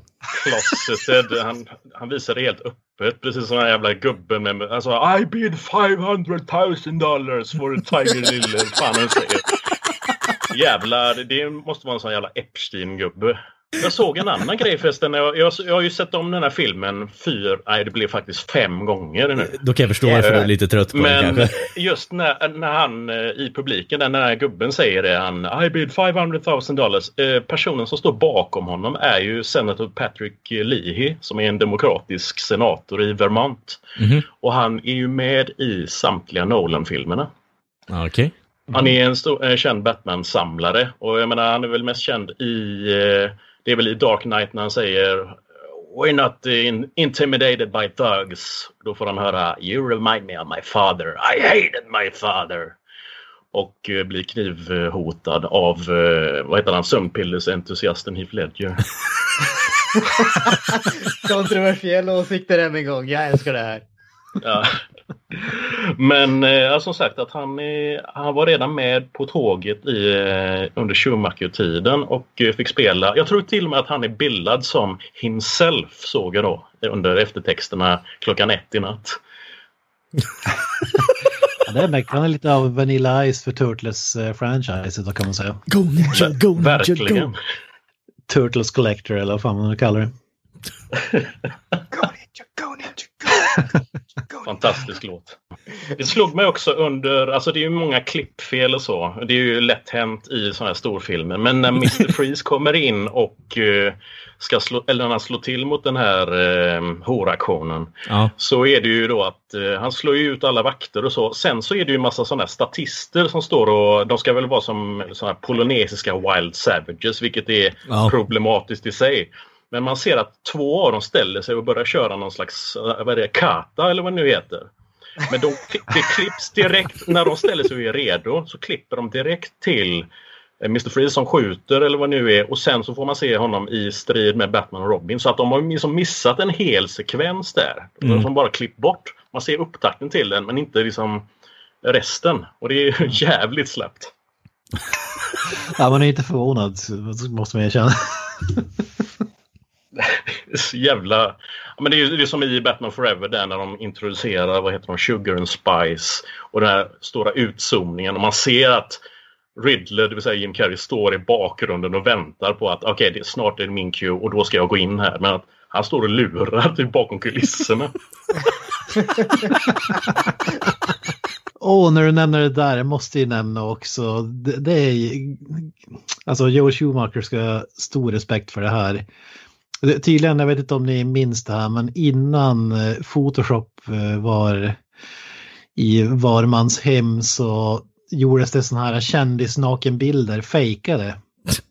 Där, där folk tog liksom George Clooneys huvud och satte på en naken kropp och skulle sälja det till någon sån här eh, Eh, skvallerblaska eller någonting. Eller man skulle betala på nätet för att eh, se de här. Och det var tydligen någon som, någon som hade gjort den på, på Chris O'Donnell som hade läckt ut under inspelningen av den här filmen. Så som practical joke så skrev Joel Schumacher ut en massa A4 med den här bilden, nästa fake nakenbilden. Och klistrade upp den i bakgrunden i scenerna som O'Donnell skulle äkta i. Chris O'Donnell har sedan gått ut och sagt att jag blir metooad av Schumacher. Vad förvånad jag blir, vad förvånad jag blir. Ja, det säger väl allt. Han, Schumacher var ju känd också för att under inspelningen skriva kom ihåg innan tagning, kom ihåg nu det här är en tecknad film. ja, det är så fantastiskt. Det är den nivån alltså på, på inspelningsplatsen. Fan. Vi måste ju hoppa till Coolio nu känner jag. Arrangera illegala street racing tävlingar i Gotham. Alltså, nu är han del av de här Creative Meltdown Rap All Stars tillsammans med Busta Rhymes, Busta Rhymes, ja. Cool J. Alltså de gjorde ju en låt alla de i till Space Jam. Den hette ju Hit 'em Up. Eller Hit 'em Hit 'em High heter den. Det känns så jävla märkligt att se honom i den här jävla rollen. Speciellt med hans jävla line delivery. Han har väl bara en replik och så skjuter han i en startpistol. Det är ju det enda han gör. Mm. Ja. Och då har ju ändå Batman-filmerna haft lite av en eh, tradition med att ha musiker med. Jag menar Prince är ju kändast då med att Jack Nicholson till och med citerar i filmen. Första filmen där. Sen så är det ju, vad var det, Rick James i Batman Returns och Mm. rb gruppen Unvogue dyker upp som ett gäng horor i Batman Forever. Det är också så jävla bra casting där. Fruktansvärt dumt. Men här är det ändå, okej nu har vi ändå Coolio. Han är känd från MTV och eh, från Snoop Doggs gamla gatugäng. Va, vad ska han göra? Nej men vi ger han en replik och en startpistol. Det måste känns jävligt, jävligt jobbigt. Eh, jag tror att det är, det är väl därför han då tar och hoppar in i en senare se, eh, superhjältefilm som heter Daredevil och försöker ja, rädda ansiktet.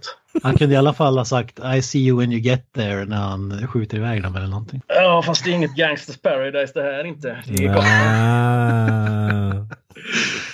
Gangsters Paradise måste ha kommit ut innan den här filmen gjordes. Ja, det var väl, eh, det var, det var väl eh, den Catwoman-filmen Dangerous Grounds. Den kom 95 tror jag. Eh, Michelle Pfeiffer spelar lärare och så är det, kör han den låten. Det var väl hans stora hit skulle jag säga. Ah, det finns mer Batman-kopplingar till den gode Coolio alltså. Ja, en. Ja, men fan vad mäktigt att han jobbar tillsammans med Buster Rhymes. Du är väl också Buster Rhymes konnässör? Buster Rhymes var en av mina favoriter. Men det var också det att han var ju en så jävla cartoony. Det är som när man eh, såg alla på MTV, då var det ju som ah, men guldkedjor och så. Så kommer han med sina stora dreads och gapade och hade sig och var rolig liksom. Han var ju liksom som en levande tecknad figur. Sen så eh, började han ju göra alla andra jävla grejer och så nu, nu har han ju liksom klippt dreadsen och gått upp jättemycket i vikt och är ganska irrelevant. Men eh, är fortfarande jävligt, jävligt underhållande. Jag menar kolla på, hade ni gjort ett avsnitt av Shaft eller hur var det? Ja. Han spelar ju den här jävla informatören som kör bil där och ja, Mm. men det, det är en jävligt rolig karaktär. Jag menar han, han har ju liksom ett eh, skådespeleri, samma med LL Cool J. Visst han gjorde den där jävla hajfilmen och den där andra jävla halloween-filmen men fan han är ju ändå han är ju en av min farmors favoritskådisar i Navy CIS. Ja, det är fint ändå. Ja, men det är ju... Jag menar, de har ju ändå gjort någonting med sina skådespelarkarriärer. Coolio har ju bara ju som gjort en jävla matlagningsprogram och det är så jävla, en jävla föredetting där verkligen. Ja, han har ju verkligen försvunnit från... Buster Rhymes är ju aktuell. Nej. Ja, han, han släppte en skiva nyligen faktiskt. Så jävla, jävla... Okej, visst. Han är ju 50 år och släpper en skiva. Jävligt intressant. Och höra en gammal gubbe stå och gapa. Jag menar, det, det kan man ju för fan... Vill jag höra en gammal gubbe gapa så kan jag fan gå till tvättstugan och boka tid och liksom inte dyka upp där och förstöra för någon granne. Men, men i alla fall, han, där, han har ju i alla fall något artisteri kvar. Det har inte Coolio och det visar han redan här i den här jävla motorcykelscenen. Jag menar, han, är, han är ju lika intetsägande som de här jävla Clockwork Orange-statisterna. Alltså Det är jävla så bra. jävla löjligt. Så, ja, men ändå rätt snygg referens. Jag, det var första gången jag såg det nu. Ja, ja, nej men alltså det är ju det är, det är flera sådana referenser. Mm. Det är några som står iklädda till sådär Misfits, eh, vad fan nu heter. Ja. Så är det några som är något jävla barock Mozart-gäng och det ska vara lite som Warriors. och sen så, jag menar, i och med att det är, i och med att det är, vad heter det, Warner Brothers så är det ju, jag menar, vi slänger in lite Clockwork Orange två år innan Stanley Kubrick dör Mm. av en hjärtattack 7 mars 1999. Så bara okej, vi har några drugis här. Det här neongänget som eh, Bane spör upp, de beter sig också lite som drugs också. Det är ju Mm. lite av en trope med att oj, nu ska man prata med läskig röst man, innan man attackerar någon. Men det spelar väl fan ingen roll. Vi har ju den här ballongben här. Passar dig noga, neonkillen. och så flera av de här, förmodligen så är det samma skådisar, står ju där och hejar på då i den här underground street racing grejen. Och, och så den här jävla ungen som vi pratade också. Den här gudsonen till Joel Schumacher. Personen Ja. som förstörde hela jävla Batman-franchisen single-handedly. det är inte Schumachers fel. Det är gudsonens fel. Ja, ja. Han ska hänga Alltså, sig. jag kan ju också rädda oss med att säga att han förstörde ju Batman så ungjäveln förtjänar ju faktiskt det. Ja, exakt. Jag gillar kontroversiella åsikter där. Men alltså om man ska ta det så med actionmässigt så alltså det är ju en ganska bra setpiece med, alltså det passar ju inte i en Batman-film. Men jag menar det är ju ganska häftigt med eh, m- det, fordonsaction i... Det är en väldigt, eh, väldigt snygg scen i sig. Äh, sen att det är med en massa dåliga skådespelare och eh, de här jävla ni, molotovkastande jävla hängande jävla idioterna på bron där. Det, Ja, men det, det, det måste ju vara en av de absolut bästa grejerna där. Man får den här stora lead-upen när man ser att de hakar fast selarna och allting. Och sen när den där snubben säger bara now och de kastar sig ut över vägen. Och så kastar de sina molotovs rakt ner. Kan de inte bara stått kvar där de står och kastar den lite snett? Jag bara, de, men de, de kastar det och så hänger de. Hur fan kommer de ner sen? Bara, ah, nu kastar jag mig i molotov. Hur fan ska jag komma ner här? Och vi är fortfarande liksom 40 meter upp i luften. Det är ju en Sunderbro vi står på. Jag menar, faller jag härifrån så kan jag bryta ryggen. Faller jag från bron, då faller jag och dör. Det är ju fruktansvärt här. Det är stackare. Ja, alltså, Ja. jag, jag är övertygad om att hade vi inte haft den här scenen så hade vi aldrig fått Fast and the Furious. Och för det så är jag ganska tacksam att den här filmen existerar ändå. Eh, lite värdelös kuriosa där. Han, han eh, som vill eh, spränga bron där, där eh, Batgirl kör, är Nicky Cat, skådespelaren. Och han är en av få då, som har varit med i Tim Burtons Batman Universe och Christopher Nolans eh, Universe. Åh, så det är, det är han och så är det ja, han. Politikern. Ja, just det, just det, det är han och eh, Patrick Lee. Fan, det är ju så jävla... Det ska man ha med på CVt när man söker till eh, Taco Bell som man förmodligen gjort de senaste 20 åren. Ja, ja. Uncredited i Dark Knight från 2008. Det är fan mäktigt alltså. Ja, det är, det är Taco Bell. Ja, han har faktiskt varit med i Sin City, Burbs och några ganska kända filmer Mm. men kan inte säga att jag vet om det är. Men eh, på tal om andra filmer, Predator har jag ju teasat om. Predator-referensen här, när Mr. Freeze förs till sin cell så är det två fångvaktare av cellens skådespelare. Jajamän. Jesse the Body Ventura från WrestleMania eller WWF. Och så Fan, den, märk- den märkte jag inte ens. Men eh, också, jag menar Predator för den delen. Ja. Och eh, numera, han är väl också senator i Wisconsin och det var väl en gammal Golds gympolare till Arnold som också fick honom att tänka på politik på ett helt annat sätt och Mm. inspirerade då honom till att bli guvernör. Ja. ja, det var ju bara något år efter det här som jag tror Jesse Ventura började kandidera på sitt håll. Jag vet inte hur lång tid det tog för Arnold. Det var väl en bit senare. Va? Arnold bevisar att man behöver inte kunna någonting om politik för att bli politiker. Och inte kunna uttala California heller. Jag kan tillägga det att jag menar Jesse Ventura spelar ju ganska mycket poker med eh, Donald Trump också så det kan ju finnas en viss eh, influens där. Och, och den andra fångvakten är Ralph eh, Mueller, eller Müll- Müller eller vad han heter, en tysk skådis som bland annat spelade Conan the Barbarian i tv-serien Conan the Adventure tror jag den hette, eller Mhm. något liknande. Han var med i Gladiator också. Ja, han är med i massa um, hyfsat coola filmer ändå, måste man säga. Och det här är den coolaste av dem alla. Ja, men Jesse Ventura, If it bleeds we can kill it. Fan vilken mästerlig uh, skådis alltså. Det går inte av för hackor. Ja, men man gillar att Arnold tar in sina bodybuilding-polare i, i, den här, i Batman-universumet. Schumacher hade nog inte något problem med det heller för den delen. Ja, muskulösa män. Ja, men absolut. Ta in hur många du vill. Ta in hur många du vill. Ja, Batrocket rätt i Batcaven. eh, snygg referens i, alltså eh, Arkham Asylum är ju Ja. ändå med. Så jag menar det är ju ändå jävligt eh, respektfullt att säga vad man vill om eh, Schumacher-verse men Arkham Asylum debuterar på film i de här eh, filmerna. Ja. Tycker Sen ändå om- också den här ja. vakten också som eh, när man ser den här vakten som sitter i det här storage roomet med Riddler och eh, Two-Faces direkt. Så Ja. ser man liksom, ja men man tänker oj shit Robert De Niro är med men det är faktiskt Magnus De Niro, hans kusin. Okej. Jag tror inte Robert De Niro hade velat vara med och sen bara bli uttagen av Bane liksom på två sekunder. Alltså det slog mig när jag såg, vad fan är det Robert De Niro? Nej han kan fan inte vara med i denna. Men mitt 13-åriga jag bara, nej Robert De Niro hade ju fan inte ställt upp på en cameo så här. Nej, precis. Alltså de tillfrågade Robert De Niro men eh, de hade inget val men de var bestämda att de ville ha en De Niro i alla fall. Han var för, han var för De, de upptagen. fick gå igenom liksom mamma, pappa, syskon, de kom till kusiner och sen fick de napp. Alltså alla jävla casters eller casting directors de sitter alltså med släktträdet på eh, skådisar. Det är ju så jävla konstigt. Vi tar fyrmänningen till nästa film. Ja men exakt, ja men alltså man förutsätter ju att när, när en har så där extremt mycket talang då måste man ju förutsätta att det finns spritt i generna runt i liksom närliggande familjen. Mm, fy fan. Martin Sheen, jag tittar på dig och dina barn. Eh, Men vi måste ju hoppa till eh, Barbara. När eh, Alfred på sin dödsbädd har en sista önskan, att de ska leverera hans laptop eller iPad eller vad fan det är till hans bror Wilfred. Alltså- som, är, som är betjänt, någon- butler någonstans i Indien eller vad fan det nu är. Och han får absolut inte öppna den. Och två sekunder senare så sitter ju Batgirl och försöker hacka sig in i hans eh, superdator. Jag tyckte, det var lite, jag tyckte det var lite osmakligt över att hon drog fingret i ansiktet på honom efter att han hade gett henne den där disken liksom.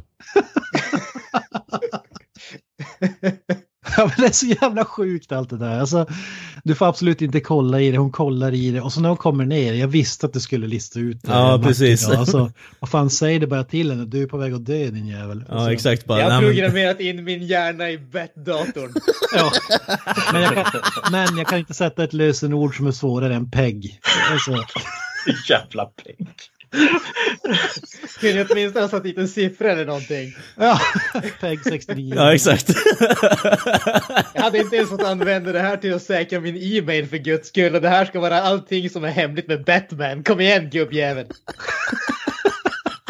Hon gick igenom allting som har, hade med huset och hans eh, slavägare att göra i stort sett som hon Ja. lägger fram också. Det är ju också så jävla sjukt bara, "Ah, he's in servitude bara, han får betalt antar jag, men eh, okej, han, han är slav, absolut.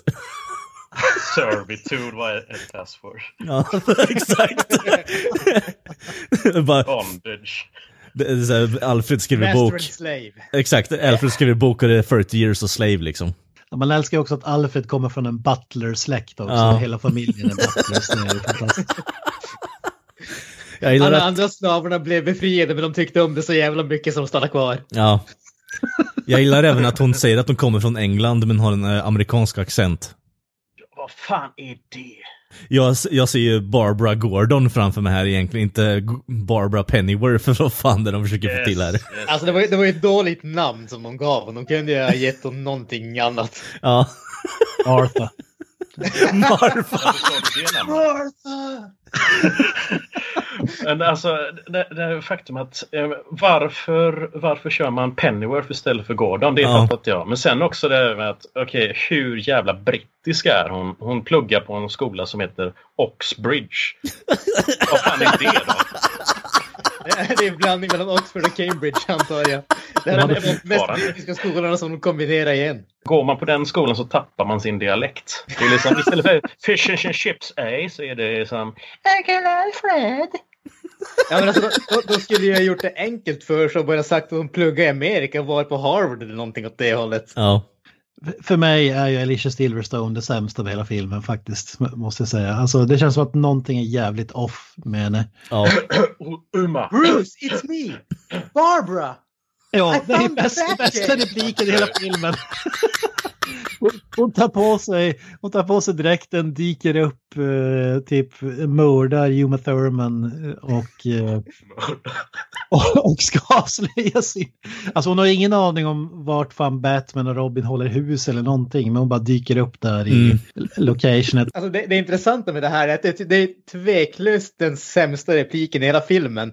Men den följs av enligt mig den bästa repliken när, när de säger, Batman går liksom And you are, och hon säger Batgirl och han säger That's not very PC. What about Batperson?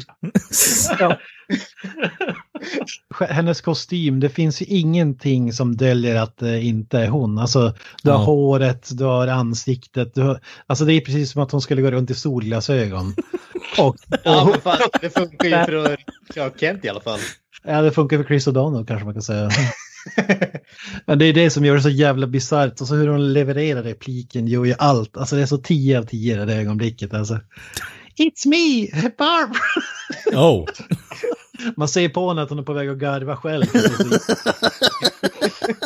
Hon har gett upp. Hon bara, nej men jag skiter i det. Nu käkar jag hur mycket pizza som helst. Jag har ändå varit här i åtta veckor och spelat in den här jävla skitrullen. Ja, ja, men alltså, den här filmen, säg vad man vill om den, men den tar ju definitivt död på att Batman skulle vara the world's greatest detective. Därför att uppenbarligen så har Alfred kunnat göra dräkter och fordon till en ny hjälte som man inte har någon blekaste aning om att det finns i hans jävla Batcave. Eh, Hur ofta ser vi massa hemlösa barn förutom den här snubben, alltså grandsonen som han, eller vad fan heter det? Han på motorcykelracet där liksom som Schumacher hade hand om. Alltså, det- Sonsonen, eller Ja. Det, det, slog, det slog mig bara nu att det hade varit så fantastiskt om man hade haft en egen dräkt och han typ, han vet att han ska dö och så han kör någon sån här harakiri-grej i slutet och det sägs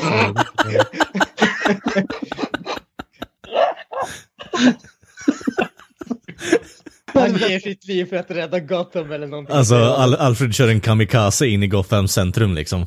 Ja, men visst är det 66 Batman där Alfred har, tar på sig en mask och kör runt med typ glasögon Ja, utanför masken. Ja, just det. F- fönstergluttarna liksom. Den typen av grej. En Caesar Romero. Vem är det här? Den maskerande mannen bredvid Robin, vad händer? Alltså Arnold gjorde faktiskt en typ av Caesar Romero. Alltså hans fru vägrade att han skulle få raka av sig håret så han hade en ballcap men ögonbrynen skulle bort. Men de hade han kvar så de målade de över. så det är fan en Caesar Romero-hyllning. Vägrade Ja, raka av sig muschen för rollen som eh, Jokern. Jag känner att jag, jag, jag var lite ledsen att jag inte fick Arne i mustasch här alltså. Ja, och övermålad mustasch är viktigt. En blå mustasch. Ja. Det var väl under den här tiden som... Okej, vi, vi fick honom inte i mustasch, men jag vet att eh, vi fick honom i en städerska under den här tiden. Ja, just det. Ja. Så det var Batcave där, Batcave action. Alltså det är ju så här epic showdown med Poison Ivy och eh, Robin är ju liksom eh, kåt som fan och ska dit och ja, seal the deal så att säga. Men eh, ja, Poison Ivy kysser honom ju och eh, är ju såhär, ja men vaxläppar bitch, haha vad ska du göra? Och så kommer hela Batman-teamet in och så slåss de. Eh, och så blir det ju epic showdown där eh, fucking Batgirl får visa vem, eh, ja, vem det är som är boss här egentligen. Eh, Poison Ivy drar fram en, eh, jag vet inte vad jag ska kalla det för kniv, men eh, säg en butterfly eh, flower kniv liksom. Knappt. Butterfly pricker liksom. En halv sekatör. Ja, fan. Vad fan, det jävla... Nej, alltså den här jävla scenen. Alltså vad är det? Robin eh, faller ju i den här jävla bassängen också. Ja, exakt. Så är det murgrönan i vattnet som tar honom. Ja. Det är en sekvens när han ska försöka ta sig upp. Men så dras han ner och det är filmat så, så att de har liksom tagit den scenen och kört den baklänges. Så man ser ju vattnet skvätta och skvätta tillbaka när han åker ner i vattnet. Och det blir så jävla provocerad av. Jag tänkte det, det måste ju vara att de spolar tillbaka det där, för det såg så jävla konstigt ut. uh, Batsågen, alltså den är mäktig. Ja, men den var ju bra. Den var ju bättre än hela den. Det är det enda bra i den sekvensen. Du kan klippa bort den och sen inte förklara varför Batgirl är med.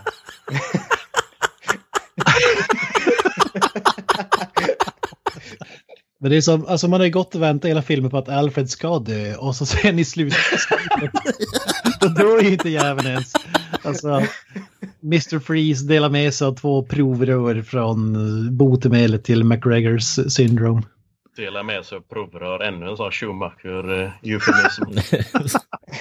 det, det, var, det var faktiskt en bra pann tycker jag. Take two of these and call me in the morning. Det, det tyckte jag fan var kul.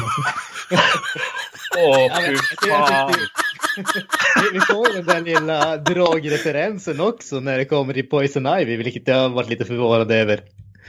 När de eh, håller på med så här, eh, ja, jag kan inte fatta att vi bråkade över en eh, Ja, bad ja, ja, guy. exakt. Alltså, bad Det- yes guy, no. Great stems though. Det, det är så Buds jävla too. bra. Det är så jävla bra. Totally over her. Great stems though. Buds too. Yeah, those were nice. De kan inte förstå varför de bråkar över en tjej. Okej, där är lite kontext där också. Jag tror att det är mycket med eh, 50-tals Batman där och eh, att läsa Batman-serier leder till homosexualitet. Ja.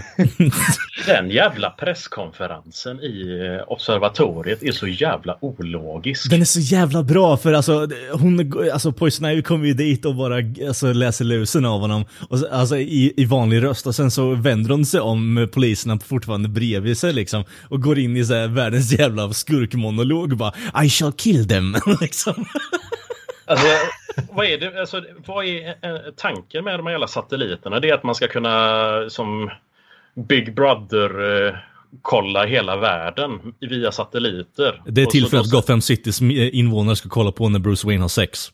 Ja, det är ju det. Just don't uh, aim it at my bedroom. Och så Ja. hör man någon som, skrattar svinhögt. Bara ha, ha, ha, ha.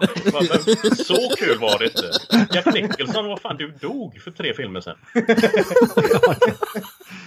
Ja, alla är högst oklart det med satelliterna. Man ska kunna kolla på stjärnorna runt hela planeten fast de är riktade mot jorden. Jag vet inte riktigt.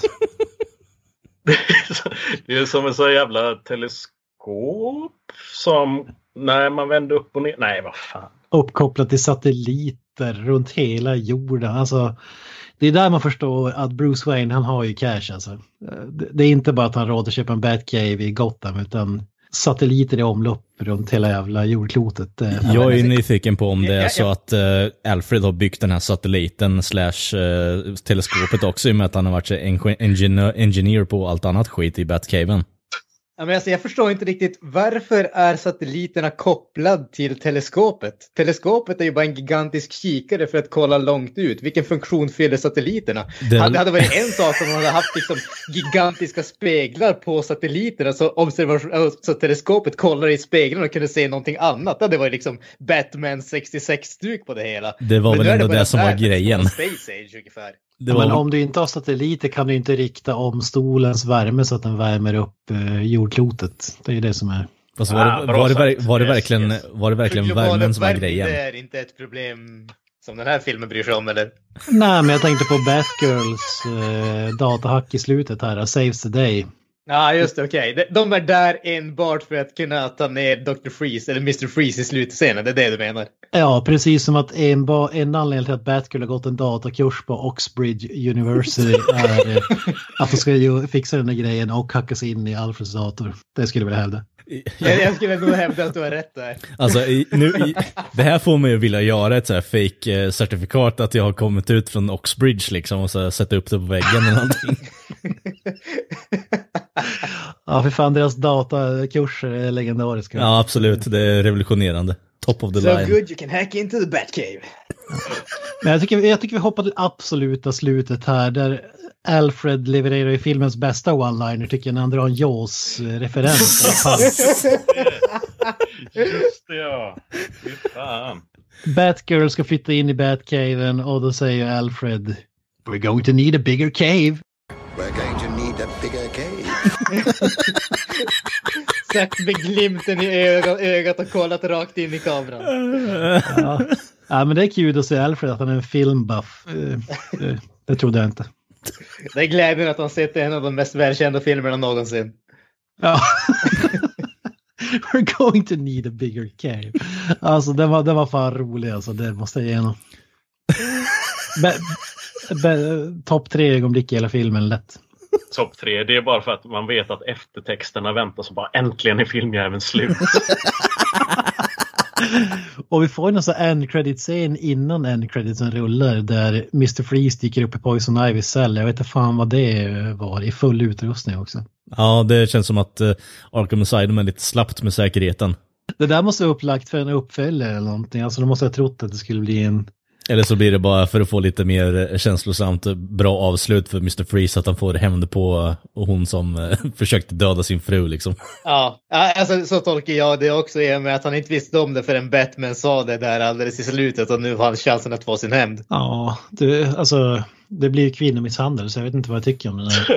Men det är ändå Villains Redemption-tropen med att okej, okay, han var ju ändå snäll och sen så Sen får han ju hjälp med att, eh, eller att han får sköta sina studier och forskande eh, från eh, isoleringscell. Mm. Men ändå, alltså. Fan, nu, nu när du säger det där, de hade ju tänkt göra en Terminator 2, 100%. Att han skulle bli good guy. Mm. För att alla älskar ju Arnold som hjälte, inte som skurk. Fast jag menar, alltså, det, det enda med Mr. Freeze är att han är ju bara en missförstådd alltså, forskare, forskare egentligen. Som Exakt, han ville bara frysa ner världen och döda miljarder av människor för att kunna rädda sin fru. Jag menar, vad är Ja, fel med det? Exakt. Jag skulle, jag skulle säga samma sak om Poison Ivy. Hon är ju bara en missförstådd forskare som vill ge lite mer grönt liv till Alltså, planeten jorden. Ja, men alltså- Poison Ivy är ju en mer radikal version av Miljöpartiet. Två steg Ja, men- från Greta alltså det- Thunberg för fan. Poison Ivy har ju... Po- Poison Ivy har åtminstone en mer acceptabel förklaring till det varför hon är som hon är tycker jag. Hon vill ändå rädda världen. Freeze är ju mer egoistisk, han vill bara rädda sin fru. Ja, hell, hon är ju Mother Nature. Ja. Ja. ja men hon säger typ 70 gånger i den där filmen. Och folk fortsätter enbart att envisas med att kalla honom Poison Ivy ändå. Ingen lyssnar på en kvinna. Tänkte fråga, alltså, i och med att det är lite av en sån där eh, liksom, slutscen där man får se skurkarna. Har ni hört någonting angående uppföljaren, den tredje Schumacher-filmen? Det, det enda jag vet är att tanken var att de skulle göra en film med Harley Quinn och Scarecrow och det skulle även finnas med någon figur som kallas för Manbat som jag inte hade koll på men jag googlade och det verkar vara en gigantisk anamorfisk fladdermus. Ja, Just det, ja, ja jävlar. Eh, så, eh, de har ju faktiskt en stor eh, ehm, Fladdermus. i Batman Forever. Yes. Eh, bortklippta. Eh, Den som Ice Cube vill att de ska släppa. Tre timmars version av Batman Forever. Eh, Men eh, det är väl för han förmodligen är med där eller så fick han betalt. I alla fall. Ja, men det är samma sak som vad är det, Damon Wayans fortfarande tjänar pengar på Batman Robin fast han spelar inte Robin en enda gång. I alla fall, jag eh, hörde att Madonna skulle kastas som Harley Quinn för att det skulle vara Jokers dotter. Och det, men det stämmer inte för att eh, Jack Nicholson och eh, Alicia, det vill säga Jerry Halls karaktär i Batman 89, de hade ju inte sex och eller jo, de hade ju sex men de fick ju inte barn. Eller att eh, Jack Nicholson skulle dyka upp som hallucination och att de skulle få med Danny DeVito igen och så vidare. och så vidare. Det var snack om Catwoman eh, solofilmen där Michelle Pfeiffer skulle spela Catwoman och Julie Newmar från tv-serien skulle spela hennes mamma. Men det blev ju inte av. Lyckligtvis. Istället, för att hade det blivit av så hade vi nog förmodligen inte fått Catwoman från 2004 med Halle Berry. Det var väl en jävla tur. Ja, det tackar mig gudarna för. Jajamän. Någon typ av gud i alla fall. Någon grekisk gud förmodligen. Alltså man hade velat se det om de skulle gasa vidare på det här franchiset. Alltså det hade ju varit fantastiskt att se vart det skulle sluta. Eh, måste jag säga. Ja men de var, var de inte på väg att göra någon sån där, uh, vad heter leda upp till en crossover med Superman? När, vad heter det? För tanken var väl att när, när de höll på med Tim Burtons eh, Superman med Nick Cage så var väl tanken att det skulle gå ihop framöver. Men det, grejen var väl att Just det, den här Eh. filmen dödade väl Superman Lives-filmen? Precis, den, den dödade Superman Lives och vad heter det, därför fick vi aldrig den där planerade crossovern helt enkelt.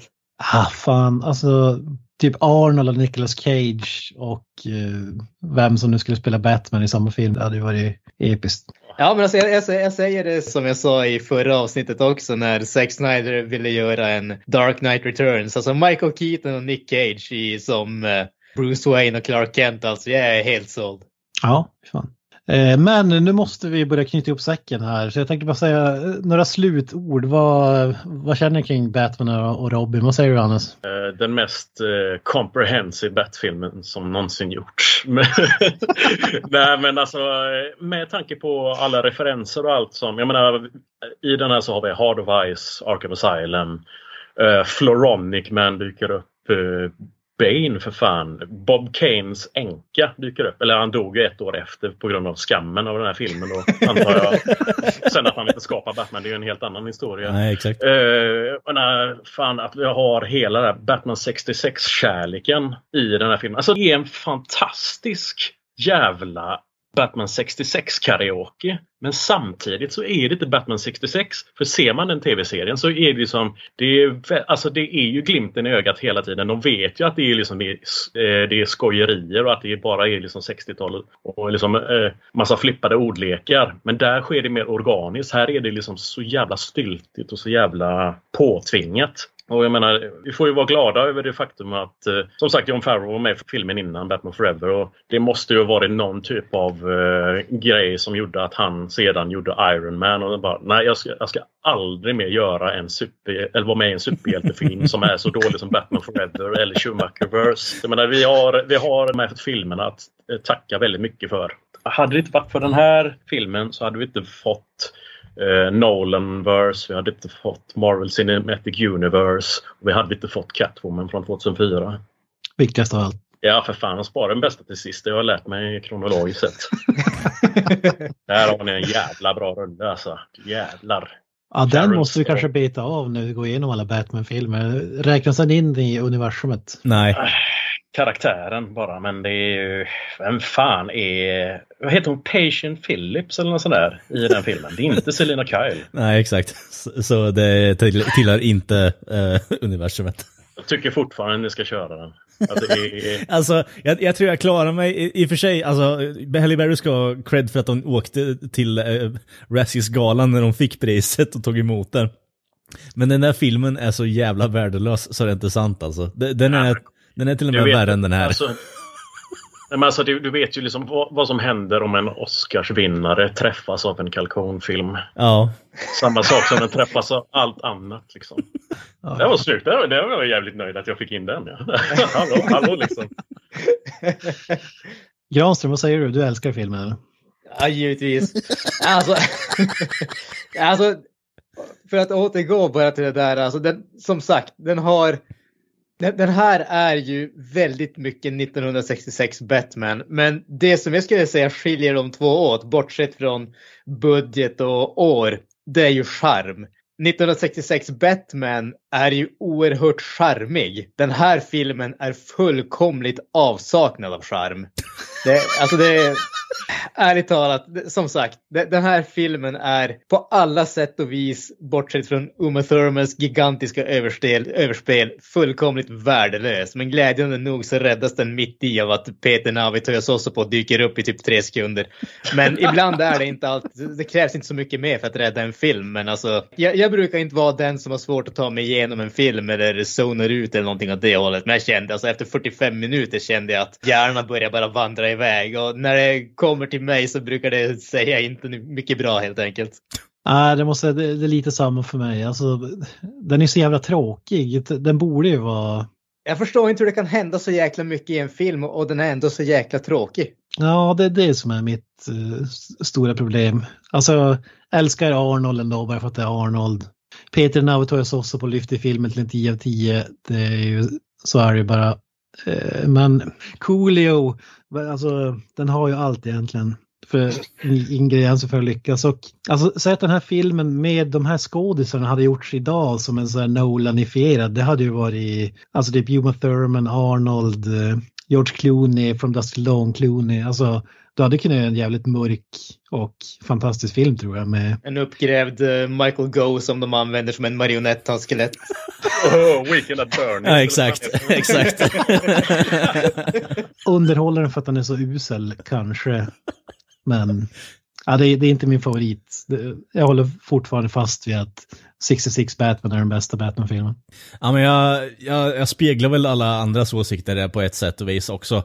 Men alltså det här är ju ingen bra tekniskt sett gjord film. Absolut inte. Men eh, återigen, det här är ju en eh, guldgruva av slopp. Och det, den enda som tycks ta det, alltså tackla den här utmaningen på rätt sätt är ju Uma Thurman tyvärr. Eh, men jag tycker att hon gör, alltså, hon gör det bästa av situationen och varenda gång hon är på skärmen så tycker jag ändå att det är någonting som händer och det är, jag kan inte låta bli att le lite med tanke på att hur jävla dåligt det är och hon ändå försöker göra någonting underhållande av det. Det här är ändå en underhållande film i sin dålighet om man kan säga på det sättet. Det, det är helt klart den sämsta Batman-filmen, eh, är det. Jag tycker vi ska riva hennes mormors staty i Trelleborg, bara för det här. Let's go. Fram med släggorna. Fram med iskanonen för fan. Ja, exakt. Alltså det här är, det är ju inte den här filmen man ska hoppa in på om man är sugen på att se på en Batman-film. Absolut inte. Utan du behöver verkligen ha ett öppet sinne för att kunna ta in och tycka om den på något sätt också. Det, det här är, det, det, det, finns för mycket fel och för mycket så här, grejer som man kan störa sig på. Men, för det är ingen bra film. Men det är en underhållande film i min mening i alla fall. Ja men alltså på sätt och vis så är det här en perfekt bakisfilm. Ja, det spelar ingen roll vars i filmen du börjar se den. Den kommer inte att vara logisk i vilket fall som helst. Nej, och, och det, det spelar den... ingen roll om du börjar se den från början och inte kan liksom, du, du måste vända dig bort och spy i hälften mm. av filmen. Det spelar ingen roll om du börjar mitt i eller om du börjar 15 minuter för slutet. Sen, den är lika ologisk oavsett vars du har din början. Om vi säger så här, jag, jag, kan hålla med om att den här filmen behöver inte vara två timmar lång, utan det här kan vara en supercut du kollar på på YouTube istället, typ 40 minuter med bara one-liners, dåliga puns och sexuella skämt. Alltså, det, det, är väl kanske så jag ser den här filmen. Och överskådespeleri såklart. Um, men det behöver alltså, inte Hade du plockat bort fem karaktärer hade du kanske varit nere på normal nivå och kunnat göra en 90 minuter. Ja, Nej, men alltså mina två karaktärerna tillför ju inte så speciellt mycket utan det är mer bara låt Poison Ivy florera. uh, och, uh, och så skiter vi i Mr. Freeze. ja. Så, som en stor eh, liksom post-credit-scen till hela det här eh, retrospektivet ni gör. Alltså, jag tycker ändå att ni borde se Lego Batman Movie. Eh, den är ju väldigt, väldigt så här, den lånar ju från samtliga mm. filmer. Inklusive 66 och det här jävla dårskapen som vi nu tvingats oss igenom. Men den är ju, där är ju mer glimten i ögat. Den är ju mer åt 60-talshållet men att de ändå får med allting och mm. jag menar de eh, gör ju narr ut, utav det här, eh, de här två filmerna också. På ett sätt som, eh, jag menar till och med i tecknade Batman. Jag vet inte, har, har ni sett Batman Animated Series? Ja. Ja. Yes. Finns ju ett avsnitt där det är tre barn som pratar om hur de tror att Batman är. Och ja, just det. Ja. De passerar ju en, eh, en flamboyant eh, window dresser som säger Oh, Batman! Jag har hört att hans bil kör på väggarna och, ja, det, ja. hans dräkt är så snygg och så ser man att det står Shoemaker bakom. Ja. Och de, säger, de säger Shut up Joel när de går Ja, exakt.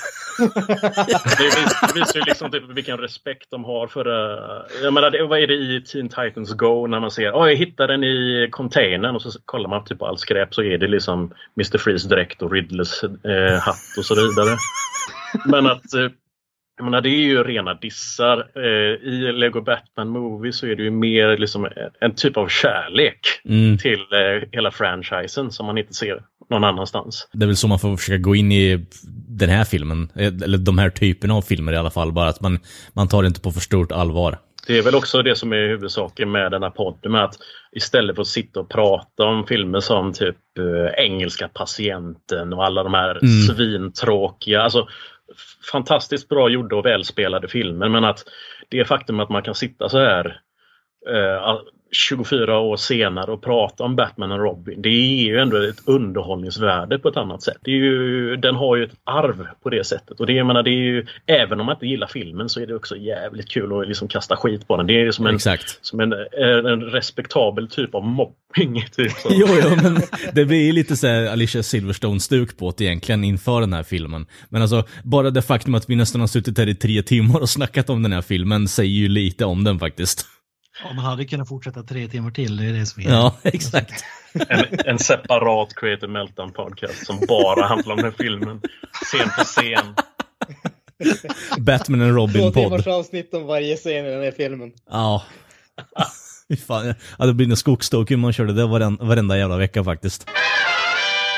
Ja, men då tycker jag vi börjar knyta ihop säcken. Jag har sagt det andra gången här, men nu jävlar är det dags. eh, stort tack till Johannes Agre Torstensson som gästade. Jävligt kul att ha det här. Mm. Hur, hur kändes det att vara med? Alltså, ett tack så hemskt mycket att man får vara med. med alltså, ursäkta att jag pratar så mycket. Det jag är Det- nyvaken och fick druck- druckit kaffe och sen så den här filmen väcker någon, någon ilska i mig som inte jag har känt sedan 20 års ålder. Eh, men eh, alltså det är jävla, jävla häftigt alltså. Synd att vi inte fick pratat om Batman XXX Parody. Eh, den Ja. här porrtolkningen och gjorde. Det är ju, den är ju en bättre Batman 66 eh, hommage. Det är sjukt för att de har verkligen tagit de två första avsnitten och gjort det. Och det ser exakt likadant ut. Exakt likadant skådespelat. Men med eh, sexuella inslag om man säger så. Vet du vad jag kommer att säga ikväll alltså?